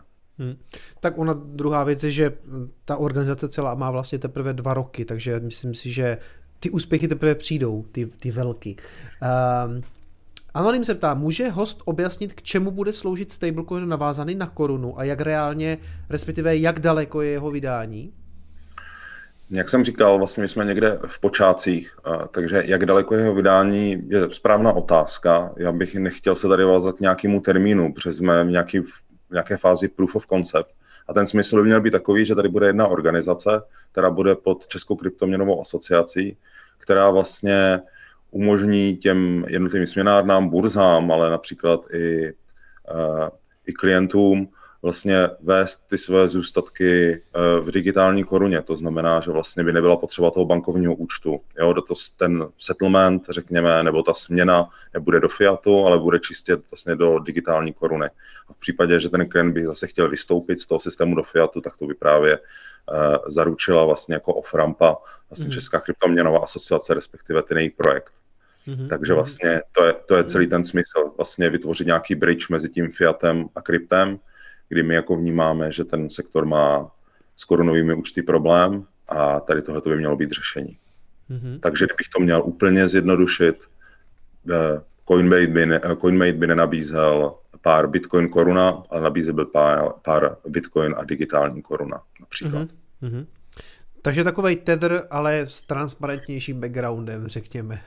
Tak, protože zase víme jako Tether, jaký tam panují pochybnosti o tom, zda je krytý, zda není krytý a tak dále. My prostě plánujeme, že by to opravdu bylo krytý jedna ku jedný vůči koruně, nechceme tam vymýšlet nad tím nějaký další funkcionality. To už by byl právě uh, úkol té komunity, ať si mm. prostě nad tím vymyslí další služby, ale v podstatě jenom vytvořit nějakou infrastrukturu, páteřní síť pro ten ekosystém. Tady možná trošku zase ne tak úplně na asociaci, jako spíš na tebe, možná takový osobní typ. Tady se ptá doktor Koláček, myslíte, že Ethereum 2.0 přijde tento rok? Hmm, myslím si, že ne. myslím si, že ne. Ten projekt, nechci říct, jako, že nabírá spoždění, ale jako ta, ta implementace je poměrně problematická. My o tom jakoby víme, víme jako v Confirmu a v CoinMateu svoje, takže Hmm. Uh, myslím si, že ne. A pokud se tak stane, tak jako všichni budeme pozitivně překvapeni. Pokud vím, tak uh, komunita Ethereata stále vidí v celku optimisticky někdy na jednu dobu, myslím, říkali první kvartál, ale nerád bych jim vnášel do úst něco, co není pravda, nebo minimálně, myslím, směřovali to někam, řekněme, na, na, na léto, řekněme, hmm. na polovinu toho roku. Teď jsem četl, že Larry Čermák, Lowmaster na Twitteru psal, že on odhaduje, že se to stihne, ale že to bude na konci roku. Já, to, já si typuju, že to letos taky nebude, ale já jsem škarohlíd, takže těžko říct. Uh, uh, Anonym se ptá, vzniká nějaká ta kryptocírkev? Na Čengembu o tom mluvil Karel Kijovský a sbíral podpisy. Ale já si pamatuju, že jestli to byl Karel, byl to myslím Karel, který vlastně tam měl i o tom přednášku, že pokud eh, seš církev, tak vlastně banka ti nemůže zakázat, respektive nemůže tě odmítnout s, s otevřením účtu.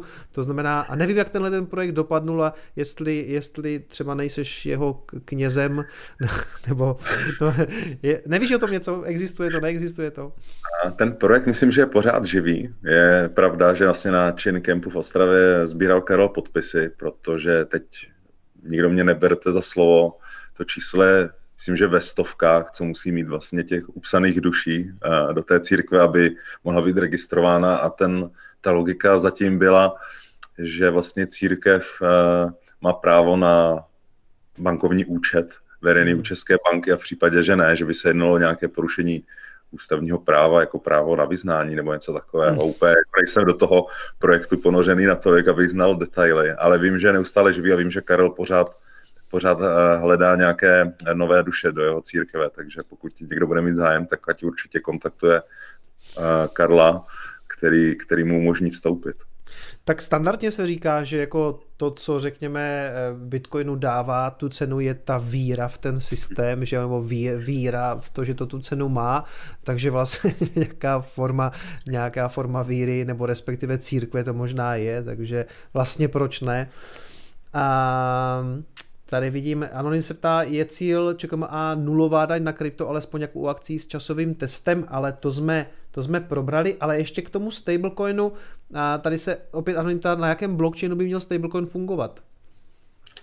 Uh, jsou, jako říkám, je to nějaký proof of concept, takže těch, uh, těch, uh, těch nechci říct verzí, ale těch, těch konceptů je povícero. Uh, jeden byl právě ten Ethereum, ten Layer 2, ale tam prostě nevíme, jak ten projekt se bude vyvíjet.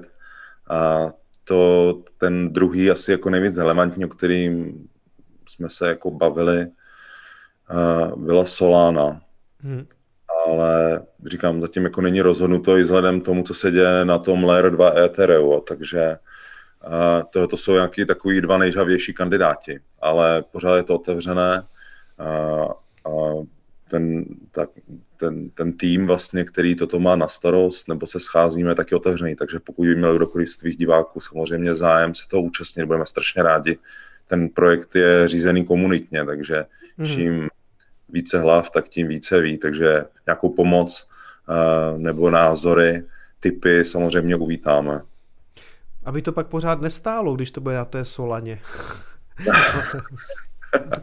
Poslední dobou je to takový, já to teda moc nesleduju a tak co se ke mně tak dostane, tak mi vždycky někdo řekne, že, že Solana zase stojí. Tady píše kryptofan Sloulana.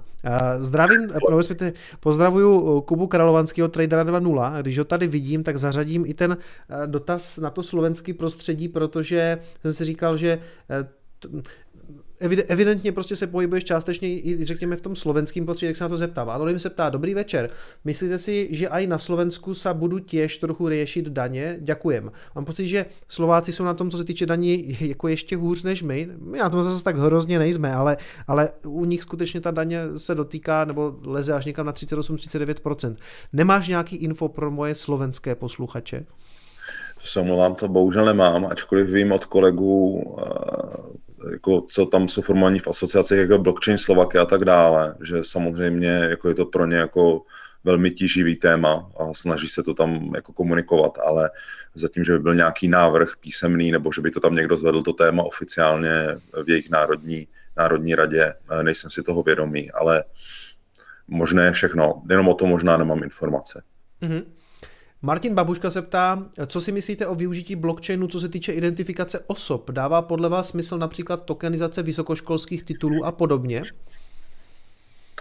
Já jsem tady vůči těmto konceptům možná jsem moc konzervativní, ale mně se žádné tady ty, ty use cases se podle mě neosvědčily. Uh, respektive neustále slýchám a vidím spousty projektů, jak digitalizace katastru nemovitostí, digitalizace mm. diplomů, digitalizace dopravních značek, digitalizace, digitalizace řidičáků, všeho možného, ale potom, když člověk se do toho trošku víc začte, tak tam vlastně ten use case není a vlastně není důvod, proč by takovéhle věci měly být vlastně na blockchainu. Já jenom říkám, možná jsem konzervativní zbytečně, ale nevidím tam prostě zatím tu podstatu. Já jsem to tam, všechny tyhle ty use cases jsem tam přesně viděl, že to tam bude tak třeba před těma čtyřma rokama. Akorát, že když o nich začneš vlastně přemýšlet, tak začneš narážet spíš jako na problémy, než na, na, na tu přidanou hodnotu toho nějakého blockchainu.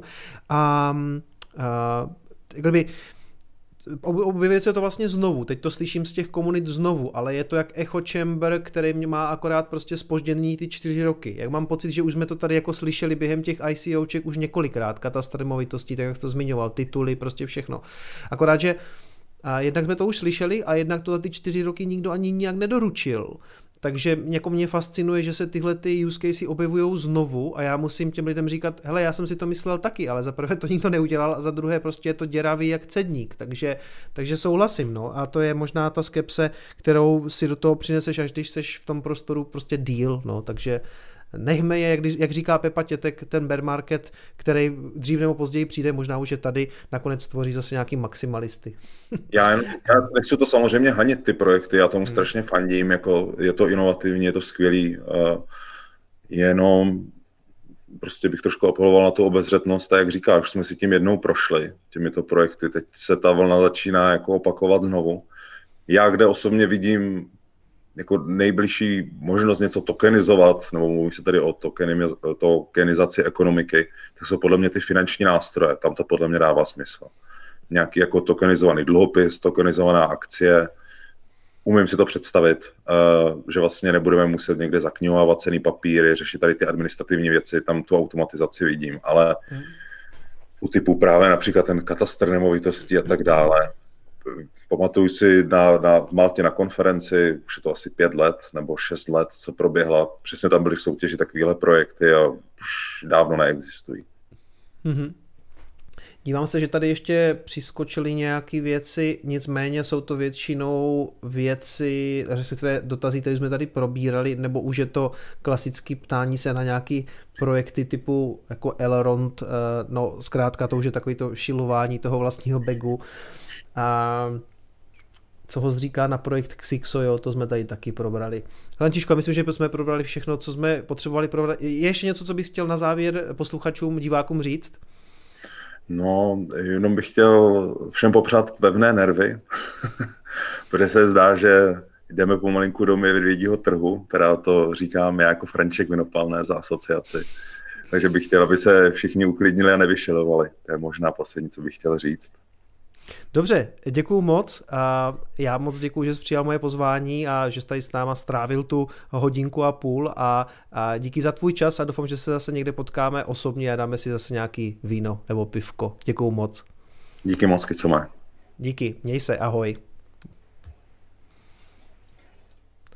Tak přátelé, stream je za námi, já pustím zase nějakou muzičku, tak. Hned tady zapnu, zase to trošku stáhnu asi. Kolik já to mám stažený vždycky. Tak přátelé, jak se vám to líbilo, napište mi do chatu. Pište mi do chatu, já si tady zapnu ten ducking, takhle. Close.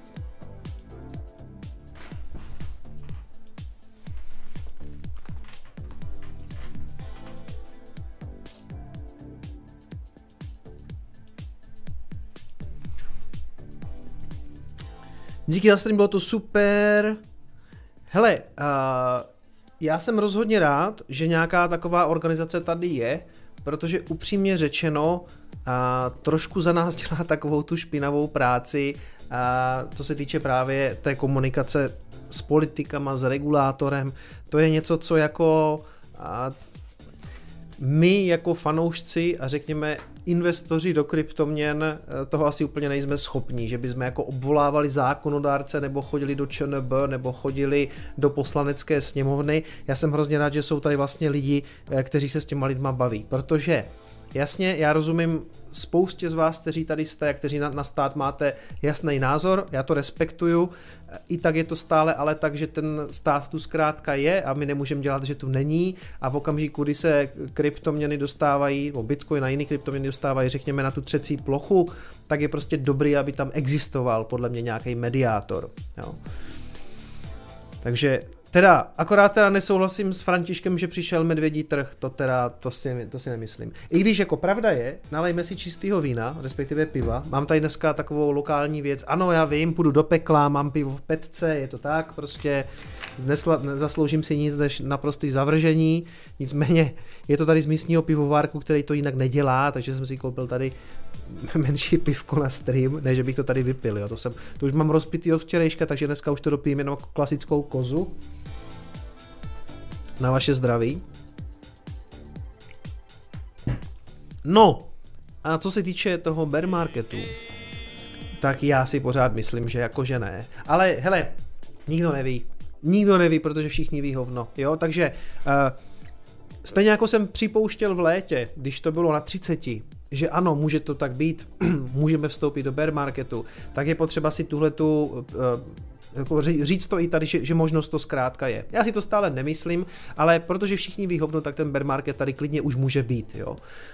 Nicméně opět se vracím k tomu létu, kdy jsem tady jako podržel morálku na 30 tisících a tím pádem jsem to samozřejmě já sám vypumpoval zpátky na 69, aby se to teďka teda znovu zřítilo na 40. Ale uh, nikdo neví, prostě zajímavá třeba teorie je u toho, u toho Benjamina Kovena, který prostě říká, že ty cykly se prodlužují, někdo říká, že tam ty cykly teda vůbec nejsou. Ano, sám jsem vinen, mluvil jsem tady o čtyřletých cyklech, které jsou jako nějakým způsobem už narušeny a já se čím dál víc vlastně přikláním k tomu jednoduchému, nebo jednoduchému, k tomu k názoru, co říká prostě Dominik Stroukal, prostě neextrapolujte. Ve smyslu, že to prostě nedokáže nikdo předpovědět, jak to bude. Jsou cykly, nejsou cykly, jak jsou dlouhý, prodlužují se, máme tu super cycle, takže budou jenom menší korekce, nevíme.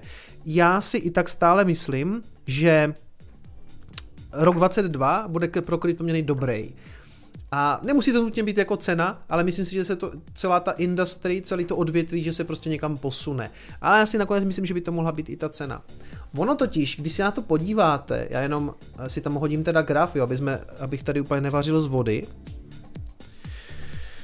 Tududu, takže, jak kdyby ta smutná podívaná na ten trh je, uh, kdyby z toho pohledu, že když, když se na to teďka podíváte, tak my jsme vlastně aktuálně jsme na úrovni, kde Bitcoin byl poprvé někdy před rokem, někdy 7. ledna, myslím, narazil těch uh, cirka 42 tisíc. A tam jsme teda teďka. Takže my vlastně, uh, ač ten rok byl bouřlivý, divoký a byli jsme prostě na 65 a pak na 69 tisících, tak se můžeme bavit vlastně o tom, že je to jenom jedna obrovská konsolidace. Jo? Protože když se na to podíváte, tak, vlastně, tak to vlastně jako rangeuje tady v něčem takovýmhle. Jo? A jak říkám, po roce po roce uh, nějakého jako bull marketu jsme tam, kde jsme byli. Jo? A i to je někdy, i to je Bitcoin. Jo? To je stejný, jak když jsem ten kanál začal dělat, a vím, že to furt opakuju, ale chci jenom říct, začal jsem to dělat, vyletěli jsme na 14 a spadli jsme a pak jsme se zase škrábali znovu na 10 prostě a i třeba ten minulej, celý ten minulý rok, to vypadalo s Bitcoinem, byla to jako hrozná nuda, že jo, celý, myslím tím rok, eh, jako kdyby ten předtím, to znamená rok 20, ten koronovej, kdy prostě tady v té koroně to byla hrozná depka, pak to vlastně nedělalo nic a pak tam máte pár týdnů, kdy najednou to vlastně hrozně letí a celý ten rok byl vlastně extrémně dobrý nakonec, protože otvíral někde, hm, hm, hm, otvíral někde kolem 7 tisíc a zavíral na 20 tisících, ještě dá ještě víc, on ještě připsal do konce roku ještě víc, na 30 tisících, jo. A přitom ten rok celý působil, že je vlastně hrozně nudný. Zatímco ten minulý rok byl vlastně extrémně bouřlivý, zajímavý, prostě pumpy nahoru, ale nakonec ho vlastně opouštíme na stejných cenách, ve kterých jsme ho začali. Takže uh, ono to jako Nejhorší potom podle mě je, když v tom Bitcoinu v, tom, v, tom, v tu jistou fázi nejste. Jo, jako prodáte to, řeknete si, já už to řešit nebudu, OK, a najednou vám uteče ta pumpa, protože Bitcoin obvykle dělá to zásadní na strašně krátkém čase. Když se podíváte, řekněme tu pumpu e, z nějakých 10-12 tisíc, až někam, řekněme, sem po mm, 42, on udělal za 80 dní, jo, takže něco jako 2,5 měsíce, něco takového, necelý 3 měsíce a na to all time high, nebo ten tehdejší na těch 64, mu to trvalo půl roku. A samozřejmě, že jste tady mohli nastoupit, ale to jsou takový ty klasické úrovně, kde vlastně nikdo nastupovat nechtěl, protože si říkal, hm, to spadne, hm, to spadne zpátky na 10, to spadne na 15, to spadne na 20. A ono se to jako nejníž podívalo na těch 30, jo. Takže i když to letos ve výsledku může být nuda, tak ono klidně se nám může stát, že my třeba fakt jako půl roku tady nebudeme dělat nic. No ale pak z ničeho nic tam prostě může přijít prostě pumpa a, a najednou je to na 80 a vy ani nevíte jak, jo. Nebo nalejme si čistého vína, se prostě může stát, že to tady spadne, bude to stát 30 a tady potom mimochodem nic moc není. Kdyby to nepodržela ta 30, tak mezi 20 a 30 by to jako nic moc nedrželo. Jo? Ale, ale v létě jsme na 30 byli, podržela to a nic, jo. Takže, hele, nikdo neví. Uh, samozřejmě, že se dívám na to, co si o tom myslí jiní tradeři, ale zase to je jenom jako nějaký jejich pohled na ten trh. Samozřejmě, že sleduju třeba Marka prostě na, na Golden Pocketu, který třeba říká, že ten, že ten bull market neskončil, jo. Bull market trvá. Jsme černí anděle a Bitcoin jde nahoru, ale Um, a teďka tady vůbec se nechci nějak jako navážet do Marka, to vůbec ne, ale jenom chci připomenout, že taky měl období, kdy se mýlil, myslel si, že bude bear market a hej, ono to prostě jelo nahoru, jo, takže a, a skutečně nic proti Markovi, mám Marka rád, byl tady na streamu, máme spolu výborné vztahy, jenom chci říct, že ne všichni mají stále pravdu, jo, takže na to pozor. Takže uvidíme. Zatím ale asi dobrý, hele, 41,5, podívejte se, eh, z mého pohledu je dobrý být prostě připravený na obě dvě variantu, varianty. Pokud je to pro vás dlouhodobá investice, tak, je, tak vám to v podstatě může být jedno, protože hele, jde to na 30, kupuju levněji, jde to na 20, kupuju levněji. Jde to nahoru, bude to na 50, super, tak se nám to zhodnocuje. O tom je vlastně celý jako to DCA, ty postupné nákupy, protože když tomu věříte dlouhodobě, tak vlastně jako Hele, teď říkal někdo na streamu, a že nejhorší je, když držíte něco, co vlastně padá a vy nemáte chuť to nakupovat, nebo respektive, ne chuť, já chápu, že třeba někdo Bitcoin už třeba teďka nepřikupuje, protože třeba aktuálně nemá peníze, rozumím tomu, ale jako mm, padá to a vy jste z toho jako v nějakým hrozným nervu, protože když máte to dlouhodobé přesvědčení, tak jsou to vlastně jako lepší nákupní příležitosti. A zvlášť, když máte fakt jako disciplinovaně nastavený ty pravidelné nákupy, ideálně třeba týdenní a kupujete fakt každý týden, tak se říkáte super, kupuju levněji, kupuju levněji Já mám kamaráda, který má prostě trvalý příkaz a vůbec to neřeší a ani třeba neví, když se ho zeptám, kol, víš, kolik Bitcoin stojí. On říká, hele, nevím, ale vím, že byl nějaký dip, tak se mi to asi nakoupilo levněji. Prostě on to úplně vymazal z té své mysli, má nastavený trvalák, který mu odchází. On ani neví, že to odchází, protože to není žádná jako částka, která by ho řekněme, ohrožovala na životě, protože tak by to mělo být, že si odkládáte peníze, které můžete odkládat nebo postrádat. No a prostě se mu to nakupuje pravidelně a potom jednou za rok mi řekne, hele, vlastně super, protože tím DCAčkem se to nakoupilo jako brutálně a, a nebo nakoupil jsem toho docela dost a teď jsem na 69, prostě na, mám jako peněz, mám z toho vlastně docela dost, no a teď se mu to teda zase propadlo na 42, ale to je prostě Bitcoin.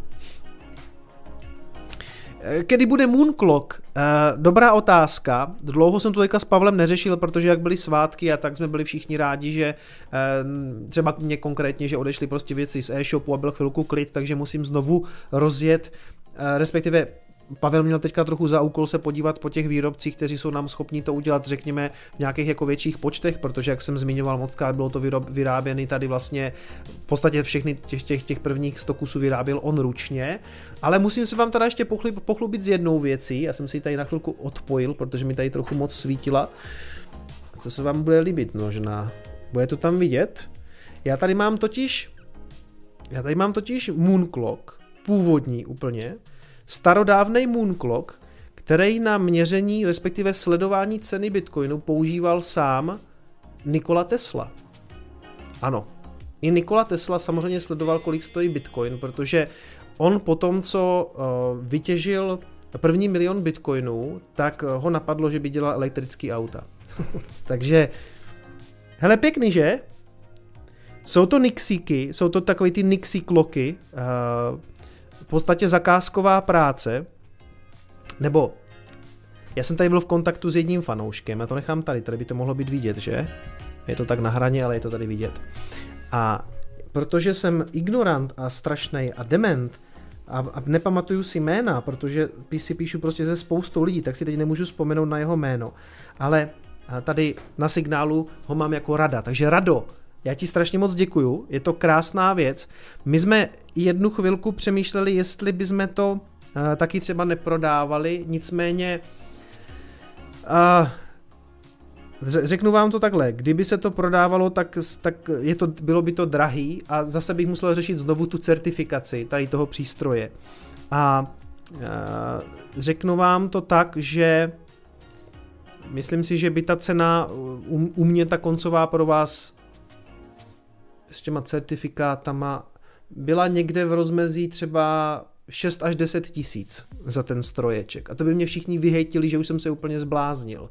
Ale ty výrobní náklady na to jsou, jsou fakt velký, co se týče právě těch Nixie kloků. Jo? Takže Uh, co když těch číslic bude málo? No tak bude svítit jenom prostě 6 devítek, jo. Ale právě těma, těma, těma, těma Nixie mm, tubama by se to prodražovalo i tam prostě dávat další pozici. No prostě, já jsem si to pro sebe nechal vyrobit uh, od rada, uh, takže jsem mu to samozřejmě zaplatil, je to takový můj prototyp. Třeba se jednou rozhodnu, jako že to budeme vyrábět, ale jak říkám, prostě mm, bylo by to drahý a lidi by mě hejtovali, že je to drahý a Třeba jo, třeba, třeba se jako rozhodneme, že, že to vyrábět nakonec budem, přijde mi to jako pěkná věc, ale vůbec jenom, jenom mimochodem zhánět ty lampy je problém, jo, oni moc jako nejsou k dostání, je to, je to, je to pěkná hračka, no. Je, je to pěkná věc. Zkusíme si to, jestli to tady zaostří, abych to tady nerozbil někde. Eh, zaostří to. No. Takže to tady mám samozřejmě jako ten originál Nikoli Tesly. Mám to tady v kanclu. Ještě nevím, kam si to dám jako na finále, zatím si s tím tady trošku jako hraju, protože tam se dá taky nastavovat spoustu jako zajímavých věcí a tak. Ale jo, hele, když o to třeba bude nějaký zájem, tak zvážím, jestli bychom to třeba aspoň v nějaké malé, malé, malosériovce vyrobili. Uh, jenom říkám, že, že by to bylo fakt drahý. Jo, prostě. A to, to není tak, že bych na tom hrozně chtěl jako tady vyvařit nějaký miliony, to stejně se mi nepovede, ale uh, nákladově je to prostě, prostě drahý. No. Stavebníci na tu certifikaci být imhod nemusí a krabičku si každý vytiskne. Proč na, tom, proč na tom kompu vzadu je jiná cena než na tom budíku? Hele, uh, předpokládám, že se to líšilo, ale tak maximálně stovkou nebo dvěma stovkama.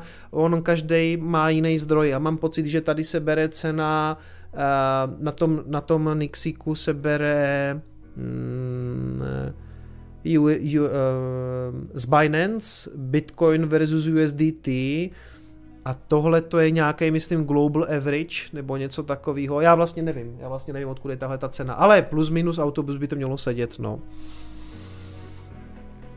František Koudelka píše, že na eBay je to za 1500. Fakt, jo? Tak já to budu jenom přeprodávat. Hele, určitě s těma Nixíkama, takhle velkýma, nevěřím tomu. Tomu moc ne. Jakože, oni jsou ještě v různých velikostech ty lampy na eBay je to za 1500, no vidíš, tak to nemá smysl jako vyrábět, protože by mě s tím úplně všichni vyhejtili. No. Hele, mrkněte, Uh, takhle vám to řeknu. Jestli to chcete, zkuste se podívat, jestli na tom, na tom eBay to třeba je, nebo na AliExpressu, když napíšete Nixie, Nix, Nixie je jako spsáno s X, ale já myslím, že tam nebudou ty, že tam nebudou price stickery. Bývají tam spíš třeba jako hodiny, ale je pravda, že byste si to asi mohli přeprogramovat, jestli to umíte. Nicméně se mi fakt nechce věřit, že by to stálo 15 stovek, no. Půjdu se tam podívat, půjdu se tam podívat, OK, tak děkuji za tip. Tady píšete, Michal Červinka, odkaz na eBay, já ho rozhodně nemám, takže jestli ho má někdo z toho chatu, tak ho tam klidně hoďte.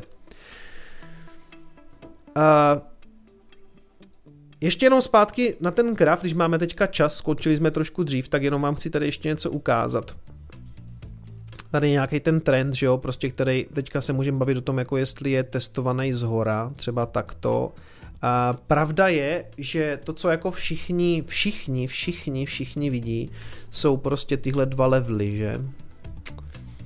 Tenhle level, to znamená ten kolem té, já nevím, kolem 40 až 42, něco takového, takže to je první level, který tam jako evidentně funguje jako, jako nějaký support nebo rezistence. No a pak samozřejmě prostě tohleto, že jo, ta 30, která tam podržela uh, to léto.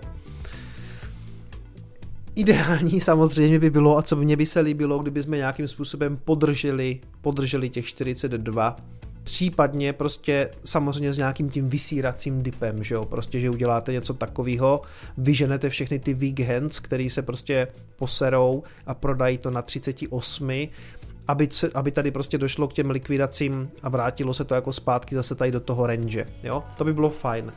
Co by bylo horší, jak jsem to už říkal v Coinespressu, kdyby se to tady jako nějakou dobu jako mlátilo, bylo by to slabý a spadlo by to někam na 30, jo, a ta 30 by to potom nepodržela a skutečně bych tady musel prostě říct OK, tak prostě asi tu máme na nějakou dobu bear market.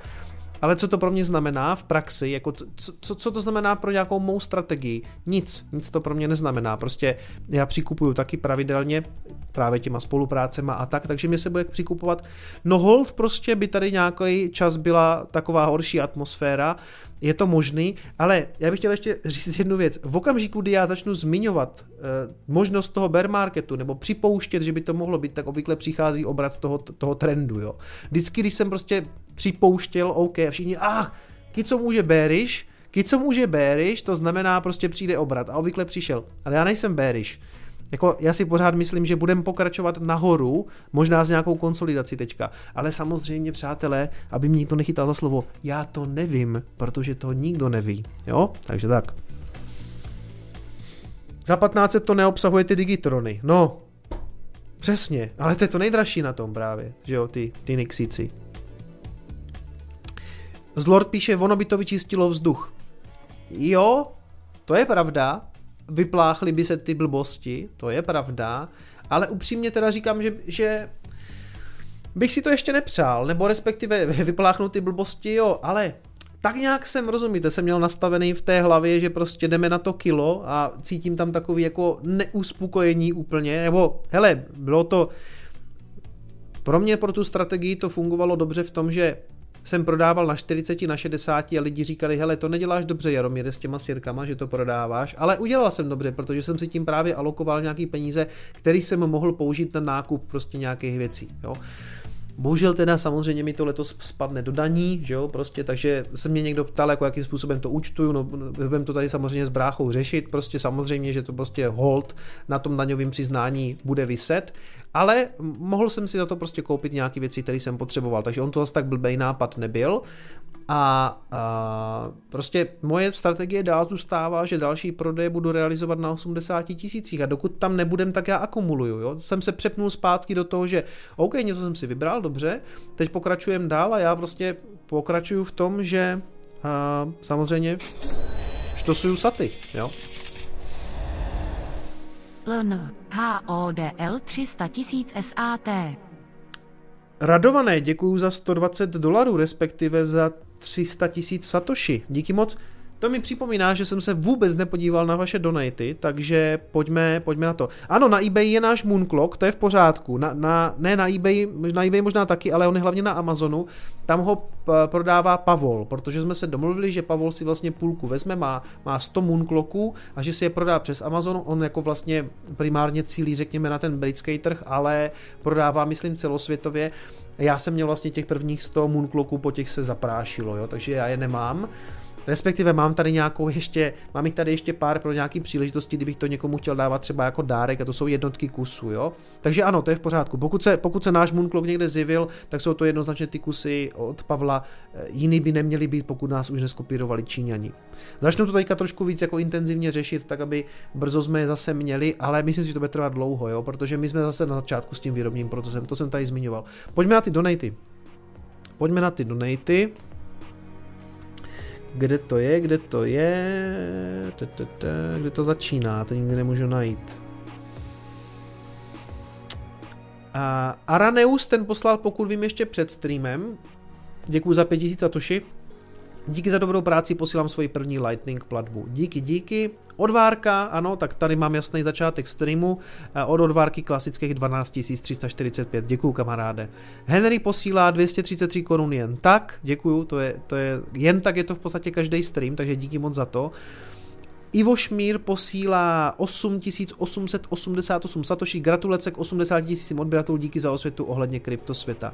Ano, děkuju, eh, psal jsem to do komunity, dával jsem tam jenom obrázek, že jsme skutečně dosáhli 80 tisíc odběratelů, takže ano, přátelé, je to tak, Nemám těch 100 tisíc, co jsem chtěl, nebo co jsem se vsadil, ale myslím si, že je i tak velký úspěch pro takový kanál, protože uh, po třech letech, který budeme za měsíc slavit, za, za měsíc budou narozeniny kanálu 80 tisíc odběratelů, pro tohle téma si myslím, že je úspěch, nebo na to si pak připijem, ale myslím, já mám z toho radost. Eh, mohlo to být 100, ale 100 to bude letos, to už těch 20 tisíc bychom tam mohli dotlačit, těch, těch 20 tisíc odběratelů. Zvěte kamarády, potřebujeme odběry. A, da, da, da. Gutis posílá stovku, a, zkouška Lightningu, opět super host, děkuju. Gordy posílá 50 korunů, fine stream, žádný bear market. Přesně, přesně, já taky nesouhlasím s Františkem, ale v pořádku, můžeme spolu nesouhlasit, nesouhlasíme spolu slušně. A Martin Dráb posílá stovku, stovečka, děkuju Martine. Přemek Vavroušek každý týden za 500 a dneska jsem zrušil penzíku a s těmi penězi budu čekat na pořádný dip. Takže ať to padá nebo roste za mě pohodička. Povíme si za 10-20 let. Přesně tak. Ale fakt je důležité mít ten dlouhodobý mindset. Jo, prostě Teď jsem slyšel pěknou poučku, kterou jsem předtím někde slyšel, ale asi je docela dobrý tady připomenout. Time in the market beats timing the market. Jo? Jakože time in the market, čas v trhu eh, poráží časování trhu. Jsem se teďka tak před půl rokem pohádal s jedním kamarádem svým v hospodě, který mě tvrdil, že daleko lepší je kupovat prostě ty dipy, a já jsem potom musel dohledat články o tom, že je to blbost, protože vy když čekáte na ty dipy, tak se taky sem tam stane, že ty dipy nepřijdou. Protože jak si, jak si definujete dip u Bitcoinu? 5% to Bitcoinu dělá každý den. Takže 10% to dělá každý druhý den. Takže si dáte třeba 20% ten dip. No jo, ale třeba právě na tomhle grafu je vidět, že, ježiši, tak, že tuhle tu celou cestu, tuhle udělal skoro bez jediného dipu. Tady jenom před těma Vánocema, nebo před tím koncem roku. Tady byl, myslím, 20% dip. Čili tady by ten můj kamarád, to by bylo jediné místo, kde by nakoupil. A zase by to jelo nahoru, a zase by to jelo nahoru. On by si všechny tyhle ty příležitosti nechal ujet, až tady by měl zase dip, jo. A skutečně, když si najdete ten článek, který se jmenuje uh, Even God can't um, beat DCA, jakože ani Bůh nemůže překonat DCA, tak zjistíte, že i jako z těch matematických dat jako vyplývá, a platí to pro všechny trhy, platí to třeba i pro S&P, že čas v trhu, tak jak dlouho v něm jste, jako je důležitější než časování. A potvrzuju to, protože já jsem nikdy trh nečasoval, prostě kupoval jsem, jasně ze začátku jsem měl potřebu jako kupovat dipy, pak mě došly peníze, takže bylo nakonec lepší prostě kupovat postupně. A tím, že mám přesvědčení v ten Bitcoin jako dlouhodobý, já jsem v něm jako od toho roku vlastně 17, 18 nebo od konce roku 17 a kupoval jsem ho celý rok 18, kdy jsem ještě ani kanál nedělal a potom jsem ho kupoval i v tom roce 19, tak to, jak jsem v něm dlouho mám dneska zúročený, a to doslova, protože jak jsem tady zmiňoval moc krát, to jako nechci machrovat, jenom chci, jenom chci dokázat to, co říkám, že tím, že jsem v tom trhu byl někde od 6, ale potom i 3-4 tisíc, tak dneska jako dobře, padlo to na 40, ale jako co to znamená? Jako, že to mám docela zhodnocený, pořád, že jo?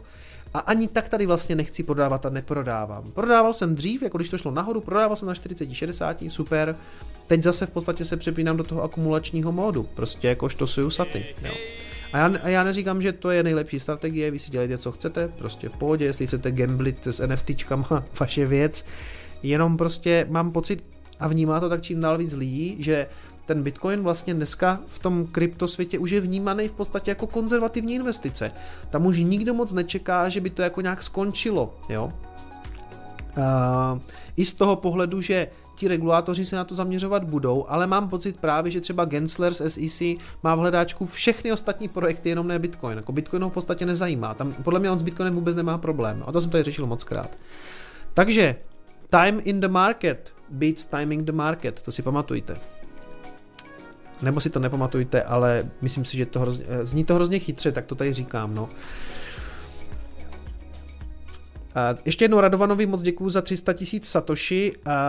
Henrik posílá ještě dolar 25, respektive 3000 Satoshi jen tak. Díky, díky přátelé. Kicomovi se nechce prerábat studio a tak bude zatím bear market. Jarky, dobrá připomínka s tím studiem. I začínám i tohle to řešit, jo. Začínám i tohle to řešit, jenom to,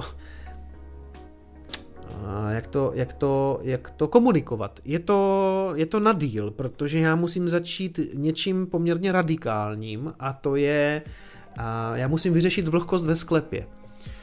Já bych tam tu studio klidně teďka začal budovat, jo, prostě nějaký peníze bych na to i měl, spoustu vybavení můžu použít odsud, eh, dalo by se s tím pohnout, jenže já ve výsledku napřed musím vlastně vyřešit to, že celý ten sklep je vlhký, protože jinak mi tam všechno zhnije. Nebo všechno ne, ale musí, musí se tam s tím začít nějak pracovat. To znamená, že my teďka řešíme s manželkou, to má zase na starosti manželka, protože já nestáším zařizování tady těchto věcí, takže manželka poptá nějaký firmy na sanaci sklepů. Jestli někdo děláte v okolí Prostějova sanace, eh, odvlhčování eh, vlhkých prostor, konkrétně jako sklepa, tak si rád vyslechnu vaše návrhy. Co jsem se tak bavil s lidma, tak to jsme teda hodně daleko od kryptoměn, ale prostě proč ne, tak dneska už jsme všechno probrali. Prej se dneska dělá chemická sanace, co znamená, že se to vlastně navrtá dole z toho sklepa třeba po 20-30 cm a napustí se to nějakým srancem, který teda jako zamezí eh, to, tomu, aby ta vlhkost zlínala dál. Nevím, nerozumím tomu. Další věc, co se asi bude muset udělat, je, že se celý ten barák okopá a dá se tam ta nopovka eh, zvenku. Zase, nerozumím tomu, jo, možná říkám úplně blbosti. Někdo říká podřezat, Někdo říká nepodřezat, jestli to začnu podřezávat, tak mě tata zabije, protože to je mě úplně jasný, že to se mu líbit nebude, ale co jsem tak slyšel, tak už existuje spousta těch, řekněme, neinvazivních metod. Pak jsem slyšel uh, o elektroosmóze, to si myslím, že je spíš taková homeopatie.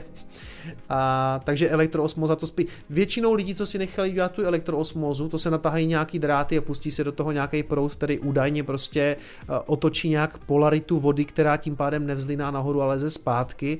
Co jsem tak slyšel, tak od většiny lidí tak to stejně dřív nebo později museli předělat a normálně to podřezali nebo tam dali tu chemickou, jo. Takže, jak říkám, to je spíš taková homeopatie.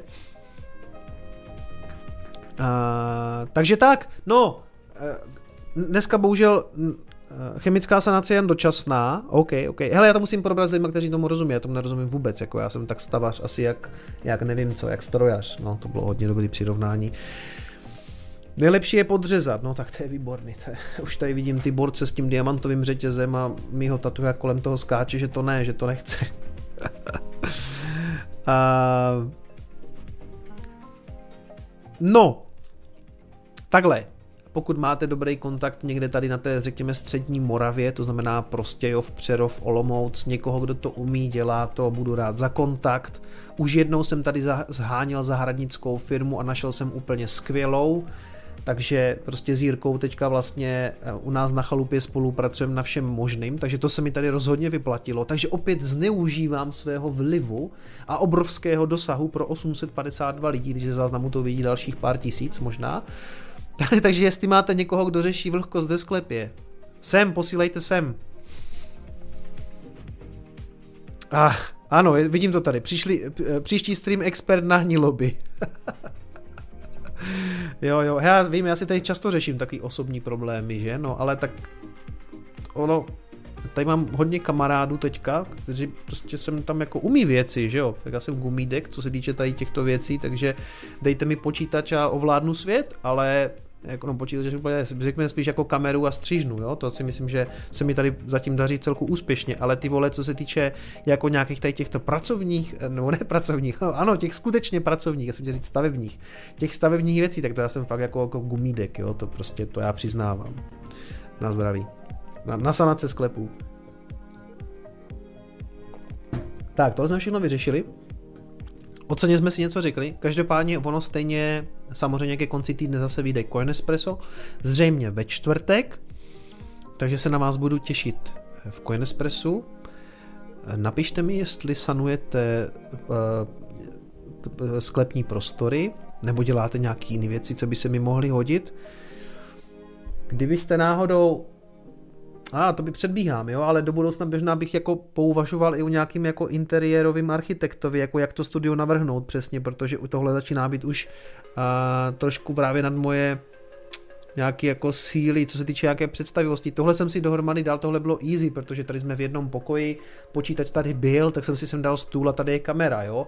A jasně, jako hrál jsem si s tím tady a bavilo mě to, ale navrhnout to studio, který zřejmě bude poměrně velký, nebo to bude ten prostor bude několikrát větší a já bych tam chtěl mít vlastně kdyby několik kdyby stanic, jo, jakože mělo by tam být místo tohleto klasický prostě pro streamy a pak možná úplně samostatný místo, kde se budou točit Coin Espressa, aby, aby ty dvě stanice byly vlastně nachystané, tak já, já když chci točit Coin Espresso, tak si to vždycky musím nachystat, jo, musím, jsem otočený u toho počítače, je to všechno trošku jinak, beru si druhý mikrofon, tahám si tady to plátno jak idiot, ano, říkali jste mi, že to dám na strop, ale tady je to trošku problematický, bla, bla, bla.